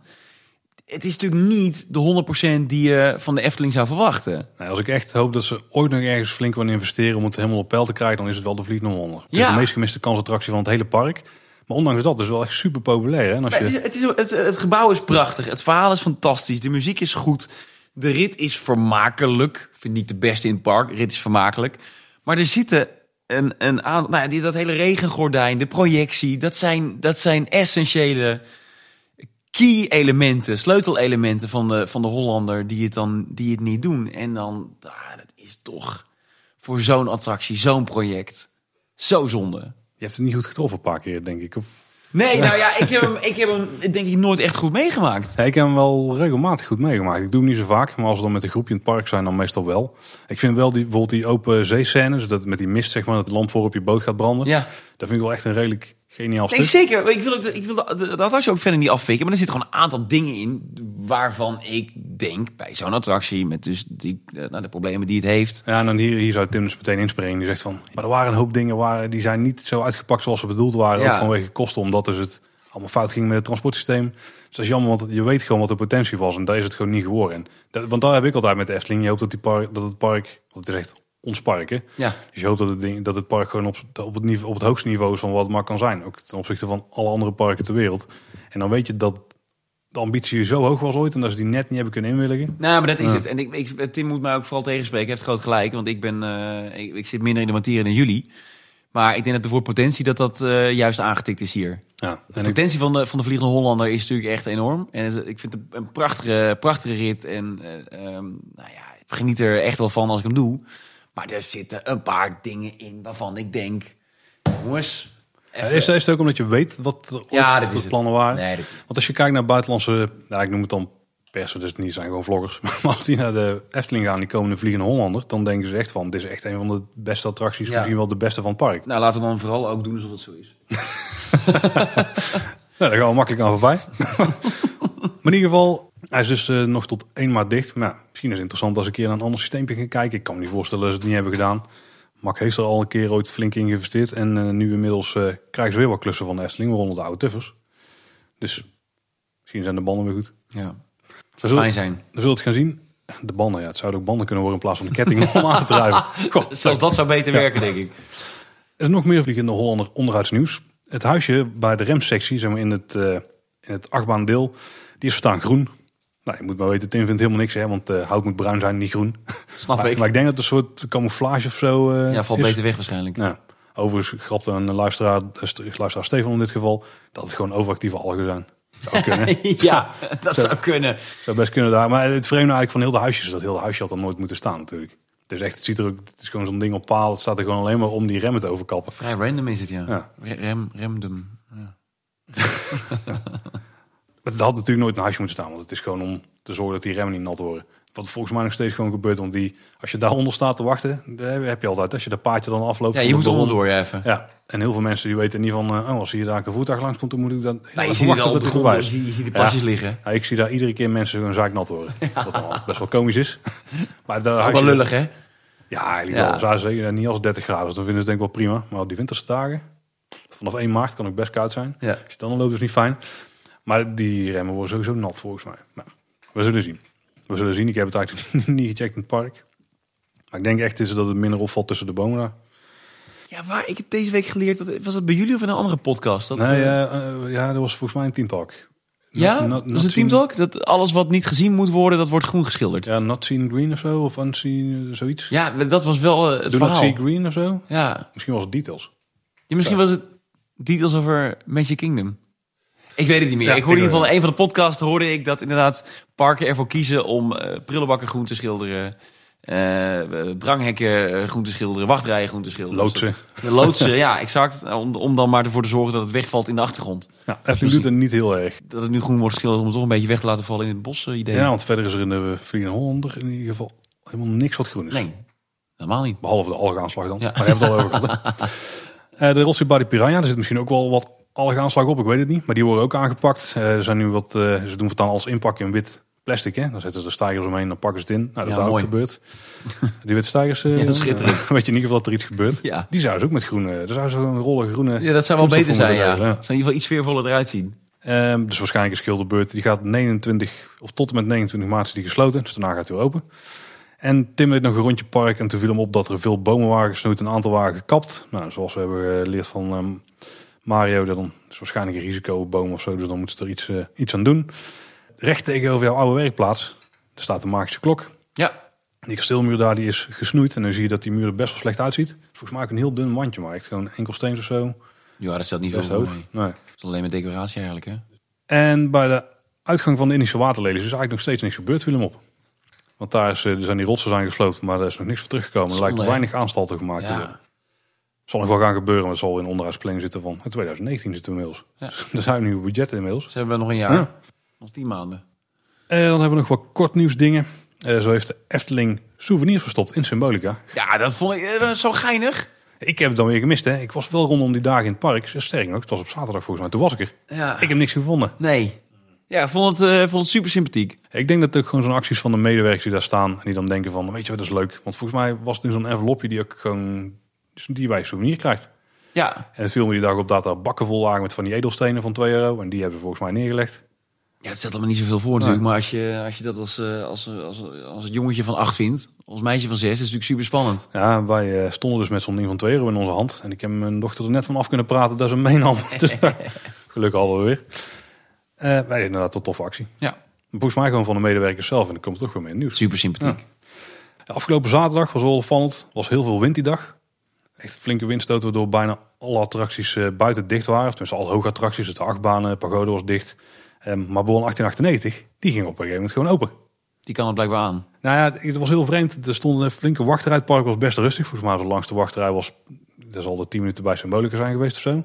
Ehm, en bij de Baron stond in één keer een wachtrij van een half uur. Niet omdat die wachtrij nou zo vol stond, maar volgens mij omdat er echt maar één karretje per 10 minuten of zo naar buiten ging. Want toen ging de wind even liggen. Dus ik weet niet hoe ze dat bepalen of zo, maar volgens mij kan die achtbaan die kan zichzelf vrijgeven. Die meet zelf volgens mij de windsnelheid. En op sommige momenten kan hij dus eruit. Dat moet wel. Je gaat niet buiten staan kijken. Jongens, nu kan hij weer even... Op weeronline.nl nee, zo kijken. Het zal inderdaad wel in het rietsysteem zitten op een of andere manier dat het aanvoelt hoe hard het waait en hoe veilig het is. Ja, dus soms mocht er een uit. Maar ik denk dan ja, als het nu even niet hard waait bovenin en je stuurt een voertuig naar boven en ze zijn boven, dan waait het wel hard. Hoe zit dat dan? Dus ja.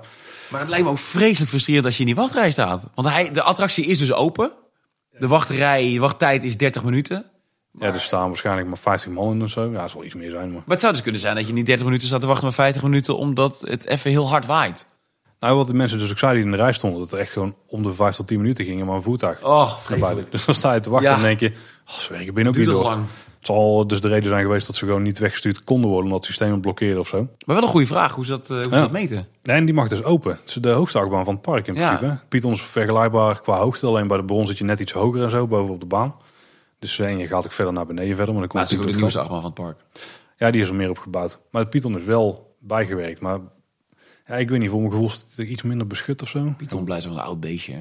Ja, en de lift ze niet vervangen. Nee, dus. precies. Er zit wel een risico in nog. Misschien dat dat ook wel helpt. Ja. En je bent al langer boven. Waarom is gewoon, uh, je komt boven en gaat, ja. je blijft er vangen en gaat naar beneden. Bij de Python uh, moet je zo even zo'n zo winst in je gezicht krijgen als je erboven hangt. Of je hem krijgt terwijl je naar beneden valt. Ja.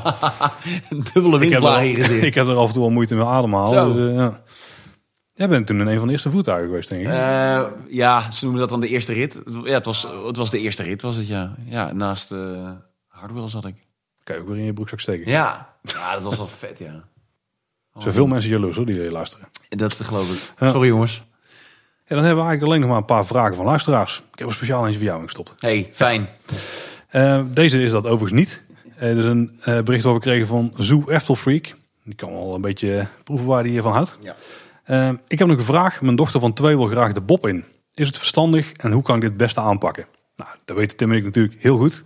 Het is eigenlijk heel simpel. Je gaat in een normale wachtrij staan. Dat is slim hè. Je moet niet in een single rider eh, wachtrij gaan staan, want dan gaat het helemaal fout. Uh, je gaat een normale wachtrij. Dan ga je gewoon bij het potje staan. Dan ga je met je dochter zitten. Dan moet je even zelf kijken wat je fijn vindt. Links of rechts maakt niet zo heel veel uit. Maar je zet, je zet ze in ieder geval naast je. Trek je de beugel gewoon zoveel mogelijk aan. En wat dan heel belangrijk is, en dat is de grote truc. Je doet je arm eromheen. Zodat je met een beetje de bovenkant van, van je arm, dus de bovenarm, dan ondersteun je het hoofd mee. En de rest hou je gewoon om de middel heen. En dan druk je er een beetje tegen je aan. En dan zit ze eigenlijk heel stevig vast. Kan er eigenlijk niks gebeuren. En dan ga je gewoon eh, de achtbaan doen. En dan gaat niet zo super spectaculair. Je moet alleen een beetje rekening houden met het remmen aan het einde. Dat kan nog wel eens wat pittig zijn. En dan kan je eventueel het hoofd nog meer tegenhouden. Maar in principe gaat het helemaal goed. We hebben het uh, beide gedaan met jonge dochters. Jij bent verantwoordelijk nu, hè? Dat is waar, ja. Dat, ik... Oké, disclaimer komt aan het eind van de aflevering. wel gewaagd. Want ik vind de Bob zelf, als ik erin ga, ik vind het een vrij heftig ritje wel. Er zitten wel behoorlijke bochten in waarvan ik denk, nou... Ja, het kan best pittig zijn. En vooral als je dan steeds boven bij die remblokken aankomt. Ja, dan maak je best wel een stoot naar de zijkant. Maar als je dus je kind goed vasthoudt, dan is ze eigenlijk best wel klem vast. En dan kan, want het gaat vooral om het hoofd als het belangrijkste wat je even in de gaten moet houden. Uh, dat die geen uh, pittige bewegingen maakt, dan gaat het best prima. Maar dat is het vreemde van de Bob eigenlijk. Als die achtbaan nu zou gebouwd worden, dan zou er absoluut een uh, minimum lengte aan zitten. Want dit is gewoon een heel oud beestje en die is ooit een keer gekeurd. En zolang het niet opnieuw gebeurt, dan hoef je ook geen nieuwe ja, veiligheidsregels of zo eraan te verbinden. Um, dus daarom is de enige achtbaan waar kinderen vanaf het moment dat ze kunnen zitten zelfstandig al in mogen. Maar dat zou nu niet meer gebeuren, denk je? Als ze nu, nee, uh, nee, nee, dat, nee, dat kan in deze tijd kan het 1,40 worden. dat denk ik niet, want dat is de baron. Baron is 1,42 volgens ja, mij. Dat is wel een inches of zo zijn ja. Eh, gerekend. Maar ik denk dat het een meter zou zijn of zo. Oh ja. Oh ja, dus de kleinste die mogen er wel in, maar die, de, de allerkleinste dan niet. Nee, nee ik denk dat maximum. Want in principe, in theorie mag je dus vanaf... Ja, je mag ook een symbolica als je zelfstandig kunt zitten. Dus dan zou je, zodra je een symbolica mag, mag je ook in de bob. Dat is best wel pittig, hè? Ja. Er zijn ook niet zo heel veel ouders denk die al eenjarige meenemen. Maar dat mag in theorie dus wel. Maar ik denk dat Max Moritz, die er weer terugkomt, ik denk dat je daar aan een meter moet denken. Zo. Ja. Misschien zelfs 90 centimeter. ja, die wordt natuurlijk wel echt gebouwd voor de familie. Ja, ja. Oh, ik zie dat het andere, de andere vraag, die is ook van Zoo After Freak. Binnen drie weken alle afleveringen van Kleine Boodschap geluisterd. En ook van Tientalk alles geluisterd. Welke andere podcast raden jullie aan? Man, man, man, de podcast zou ik willen, zou ik willen uh, aanraden. Die kan ik overigens ook aanraden. Heeft niet direct met pretparken te maken. Nee, niks. Precies niks.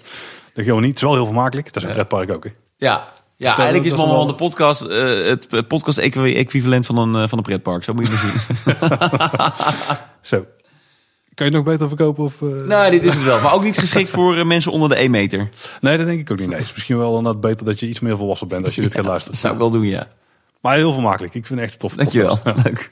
En ik ben succesvol volgens mij. Hè? Ja, gaat goed. Ja, ja we gaan uh, beginnen aan het tweede seizoen. Uh, sterker nog, als deze podcast online komt, denk ik dat er een uh, kleine special al online staat. En we beginnen 28 februari echt aan ons tweede seizoen. Dus we hebben even een paar weken even vrij gehad.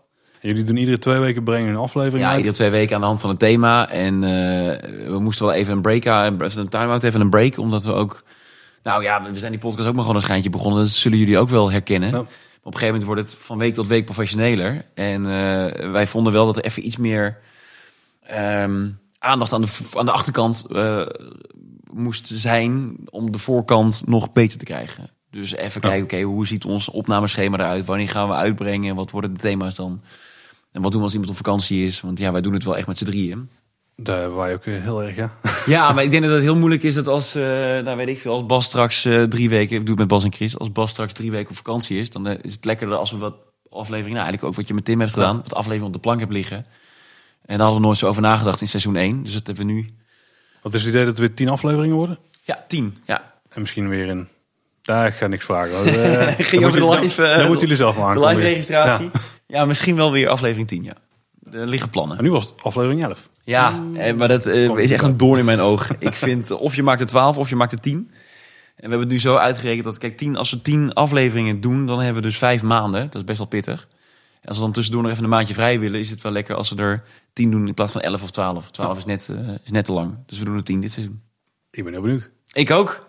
We moeten nog gaan beginnen, dus ik weet niet hoe leuk het wordt. Ja, ik, wat ik altijd wel mooi vind aan jullie podcast is die verhalen die naar boven komen. Ja, nou vooral van Bas en Chris, die vertellen de, meest, de meest bizarre dingen. Dan kun je drie mensen bij elkaar zetten dat er steeds van zulke ja. Ja, bijna ongelooflijke verhalen af en toe. Soms worden ze gefactcheckt kan een telefoontje herinneren. Ja, ja, nee, het is allemaal echt waar. Het is allemaal echt waar. En uh, soms zit het vooral in, in, mijn hoofd. Er zijn bepaalde dingen net anders gebeurd dan, uh, dan dat ze echt zo zijn gebeurd. Daar heeft iedereen wel. Ja, precies. Ja. Je vertrouwt toch een beetje je eigen, je eigen waarheid. Maar het is over het algemeen is alles wel waar gebeurd. Helaas. ja, dit echt belachelijk. Nou, helaas is voor ons wel vermakelijk, hè? Als buitenstaander. Ja, dat hoor ik, ja. Dat hoor ik. Nou ja, gelukkig dan maar. Um, maar de vraag was dus, hebben we nog podcasttips? Nou, man, man, man, hè? dat is zeker een goede tip. Uh, ik denk dat bij podcast in het algemeen heel erg is van waar liggen je interesses. Als bij pretpark nou, of de pretparkland natuurlijk. Ja, dus zeker een aanrader. Ja, als je van Disney houdt details. Ja. Uh, Zoo After Freak, nou ik neem aan dat je Zoo Inside kent. Dat is ook een, uh, ja, een redelijk themapark gerelateerde podcast. Die ook wekelijks uitkomt volgens mij. ook van Zuidelijke Vrienden. Ik vind het wel gaaf hoor trouwens. Dat, uh, die, uh, ik heb podcast en lees, lees natuurlijk enorm voor dit soort niche hobby's. Maar ik vind de production value die in al jullie podcasts zit, of het nou Ochtend in Pretparkland is, of Team Talk, of Details, of Kleine Boodschap, het is wel echt nou ja, wat, je, wat je voor gratis kunt krijgen. Dat is echt heel bijzonder. Iedere vrije minuut kun je indelen met een pretparkpodcast. Ja, tegenwoordig wel. Echt, letterlijk. Ja. ik de meeste ook wel heel serieus nemen. Dat, hoor je ook. Uh, Dat hoor je ook echt. En ik vind het leuk dat uh, hoe, hoe, dichter we, hoe, hoe dichter we 2019 ingaan, uh, hoe interessanter het ook wordt om, nou ja, voor jullie ook bijvoorbeeld, om kleine boodschap te blijven maken. We zien natuurlijk dat steeds meer mensen aanhaken ja. en je hebt een enorme catalogus om te luisteren. We zitten nu in aflevering 374? 73 denk ik. 73? Ja, ik ben heel slecht van uit, maar ik denk zoiets. Ja. Nou ja, dan heb je dus, als je dus nu inschakelt, kun je dus al 72 afleveringen terugluisteren. Ja. Waarvan er ook weer specials zijn en interviews en openingen. En nee, ik vind het te gek. Nou, ja, en dat is inderdaad ook een beetje waar ik naartoe wilde gaan. Want je hebt dus superveel niches ook in podcastland. Zeker als je, als je Engels wil luisteren. In Nederland ja. uh, heb je ook veel keuze trouwens hoor. Maar ook, ook qua pretparken in het buitenland, eh, of qua Engelse podcast, heb je bijvoorbeeld de Season Pass podcast. Hoewel die niet zo actief meer zijn, maar die hebben wel hele toffe oude afleveringen. En als je van Disney houdt, nou dat is superveel te vinden. Inside the Magic ED92, uh, die gaat dan vooral over Disneyland Parijs, die laatste. Nog heel veel andere. Maar ja, als jij bijvoorbeeld meer van technologie houdt, of zelfs van specifieke merken. Je bent bijvoorbeeld helemaal Google freak of zo. Er zijn gewoon Google podcasts. Er zijn extreem veel podcasts over Apple. Ja. Uh, die luister ik zelf ook veel. Dus als je daar specifiek lijstje van wil hebben, stuur even een DM'tje. Komt helemaal goed. Maar ook over uh, ja, algemene interesses. Ik vind uh, 99% Invisible vind ik echt super tof. Dan gaat het, in, in de basis gaat het over architectuur of, en hoe de gebouwde wereld je beïnvloedt, zeg maar. En welke keuzes erin zijn gemaakt. Dat er vaak meer over nagedacht dan dat je door hebt en zo. Maar dan gaat het uiteindelijk heel diep. Ze hebben ook een heel special van twee afleveringen over de Belmer bijvoorbeeld. Hoe dat allemaal is uh, opgebouwd. Is ja, super, super gaaf. Ja, American, This American Life is tof. Uh, ja, als je Serial, hè, die, dit is natuurlijk de, de Breakout podcast van een paar ja, jaar geleden. Ja, Brand in het Landhuis. Dat is een Nederlandse, uh, ja, een Nederlandse podcast die, die gaat over Brand in het Landhuis. In? Heel kort door de bocht gezegd. of zo? Ja, ik heb niet gelijk. Ik heb de treden gehoord. Uh, Radio 1 podcast. Um, dus je, het leuke is, je, het, het, het begint nou, nee, het begint niet nu te leven. Het begint sinds 2018 echt te leven. Ik denk dat de opleving uh, zo'n beetje halverwege 17 begon en 2018 heeft doorgezet. Ik denk dat dit echt het jaar wordt dat we nou, al een paar knallers mogen verwachten van podcast. Ik wacht nog steeds op een soort van Videoland-achtige podcast. Of Netflix die een podcast, een Nederlandstalige podcast stapt. Dat is echt een grote blockbuster. Oh, zo ja. Ja, zoals nu.nl bijvoorbeeld doet of zo. Een bedrijf wat zijn eigen podcast ja, maar dan dus niet een, een, een actuele podcast, maar een, um, een VPRO heeft Bob gemaakt bijvoorbeeld. Das Mag heeft Laura H. de podcast gemaakt over het kalifaatmeisje.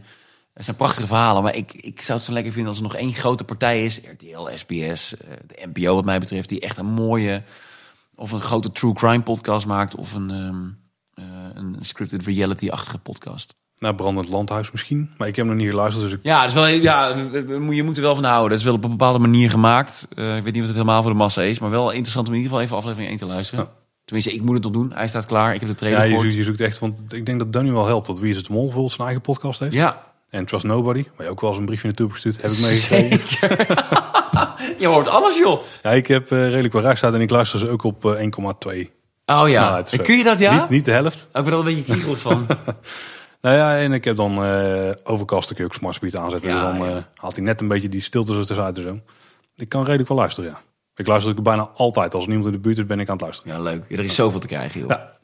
Dus hopelijk heb je er iets aan, uh, Zoo After Freak. Ja, dan zijn we eigenlijk aan het einde gekomen van de aflevering, Domien. Het gaat snel, hè? Ja, nou, ik weet het niet. Hoe, hoe... Ik heb geen idee hoe ver we zijn eigenlijk. Ik denk dat we wel anderhalf uur hebben gedaan. ik vrees het ook. Bent u daar nog? Die had ik twee keer man, man, man kunnen luisteren. ja, doe het hierna maar. Ja, dat kan ook, ja. Uh, hoewel, maandag staat er weer een nieuwe voor je klaar. Die kunnen we vast teasen. Dat kunnen we bijna nooit. Maar we weten nu precies wat er maandag uit gaat komen. Ja, dit wordt wel een bijzondere dit. Ja, maandag uh, komt dus de aflevering met René Merkelbach uit. In principe studiotour, maar we raken de Efteling ook wel links en rechts aan. Dus uh, interessante aflevering, denk ik. Super gaaf. Nou, Dominie, hartstikke bedankt. Heel graag gedaan. Ja, dankjewel. Ik vind jou echt een Efteling-fan. Nou, ik denk wel dat er heel veel fans uh, mails gaan sturen over dingen die ik heb gezegd. Ik, ik wist dat jij Efteling-fan wel zijn. Ik heb je bij in de serie gezien, maar je weet niet hoe diep het gaat. Maar je kan goed meepraten. Jawel, maar ik ja. zit niet heel erg in procedures. Ik zit niet heel erg in aanbestedingen. Ik zit niet heel erg in uh, wat een VCOMA is. En uh, dat, dat ben ik allemaal niet zo in thuis. Dus mocht je klachten hebben, stuur vooral even een mail naar dominatqmusic.nl. Ik zal alles uh, persoonlijk manmanmanpodcast.nl? Uh, kan ook. Gewoon dominatmanmanmanpodcast.nl, want dat is zo lang een URL. Oh, ik dacht nou Bas of Chris. Dat was ook dat kan. ja, stuur me naar chris.manmanmanpodcast.nl. Nou, dat is een goeie. Ja. Wat kunnen mensen nog meer van jou vinden? Ja, dit is een redelijk opzichtige vraag misschien. Nou, nee, ja, ik, uh, het leuke van social media is dat ik overal te vinden ben. Dus en Facebook en Twitter en Instagram gewoon @domin. Uh, Mama Man de podcast begint dus op 28 februari met een nieuw seizoen. Als je dit nu luistert, dan staat er ook een special online. Dat is de Q&A die we hebben gedaan naar de live opname. Ah. Uh, die we hebben gedaan in december in Utrecht. Uh, en ik ben iedere werkdag op de radio. Dat is uh, lineaire ouderwetse radio. Ja. Wat nog via de keukenradio en de autoradio ontvangen kan worden bij Q-Music. Voordat we afsluiten, wat vind je nou... Wat was voor jou het grootste verschil tussen die podcast maken en radio maken? Ja, ik heb toevallig deze week uh, schoof ik aan bij de AD Social Podcast. Toen werd me deze vraag ook min of meer gesteld. En uh, het grootste verschil is directe interactie. Dus al die dingen die wij nu hebben gezegd hier, daar vinden mensen nu iets van. En nu kan dus over een week zijn, over een maand of over drie dagen. Dus je, hebt niet, je kunt niet direct iets corrigeren. En je kunt ook niet direct uh, om input vragen. Mm -hmm. um, en dat is het grootste verschil, dus de directe interactie. Maar ik vind vooral dat wij nu anderhalf uur of één uur en een kwartier... of één uur en drie kwartier aan het oude hoeren zijn over de Efteling. Uh, als ik dit op Q-Music had gedaan, dan was er wel een programmaleider al uh, pissig binnen 10 minuten naar binnen gestormd of ik even een plaatje wil draaien. En ook terecht wel, denk ik. En terecht ook. Ja. Dit moet je niet op de radio doen. En dat vind ik zo gaaf. Uh, mensen kiezen hiervoor. En uh, ik weet zeker dat er heel veel mensen zijn die het ook helemaal afluisteren. Omdat ze geen woord willen missen over wat er over de Efteling wordt gezegd. Of wat er over technologie wordt gezegd. Of over het weer, of over katten, of over yoga, weet ik veel. En dat vind ik heel gaaf. Dus oh. uh, ik mis een beetje de directe interactie. Maar dat wordt dan weer gecompenseerd door de enorme betrokkenheid. Dat zie jij ook bij Kleine Boodschap. Ja, zien we ook, ja. Uh, en dat wordt helemaal goed gemaakt door uh, de weinige restricties die je zelf oplegt. Dus je kunt één uur en drie kwartier praten over de Efteling. En niemand zal er een traan om laten. Ja, of twee uur en veertig minuten. Dat is ons record, denk ik. Ja, ja, en mensen luisteren daarnaar. Dat vind ik echt Ja, dat vind ik ook bijzonder. Ja, ja super vet. Nou, nogmaals bedankt. Was echt heel tof. Ook uh, fijn dat we hier mochten komen. Um, mocht je nou meer uh, willen weten van Kleine Boodschap, dan kun je ons op de website opzoeken. Kleineboodschap.com of je checkt even Twitter. Daar zijn we @kboodschap of Instagram en Facebook. Daar zijn we Kleine Boodschap. Wat we ook heel erg kunnen waarderen is als je een reviewtje achterlaat op iTunes. Weet jij wat dat doet eigenlijk? Want we vragen het wel, jullie vragen het ook wel eens. Uh, ja, wij, wij vragen het. Ik vind vooral dat het er leuk uitziet dat er uh, 500 mensen uh, moeite hebben gedaan om iets achter te laten. Waarvan ik dan weer denk, hey, 500 mensen hebben in ieder geval een review achterlaten. zal wel goed zijn. Het schijnt te maken te hebben met de vindbaarheid van je podcast en ja. het algoritme. Wat Heb ik ooit gehoord. Ik weet niet of dat nog steeds zo is, maar... Nee, iTunes is natuurlijk een beetje versnipperd allemaal. Een beetje rommelige app. Maar doe het vooral en uh, geef vijf sterren. Dat kunnen we zeker waarderen. Tim 070 deed dat bijvoorbeeld ook. Die schreef, dit is een fijne podcast om op de hoogte te blijven van alle Efteling nieuwtjes en achtergronden. Zeker ook geschikt voor mensen die niet dag en nacht in de Efteling zitten. Keep up the good work. Leuk Tim, dankjewel. Nou, denk ik overigens dat alleen de kabouters dag en nacht in de Efteling zitten. Dus die luisteren niet voor zijn werk. Weet. als het had gekund, had je dag en nacht in de Efteling gezeten. Ja, ja, ja. Nou, luisteraars bedankt. En uh, tot ja, komende maandag kunnen jullie ons weer horen. En dan zeggen wij, houdoe. Houdoe.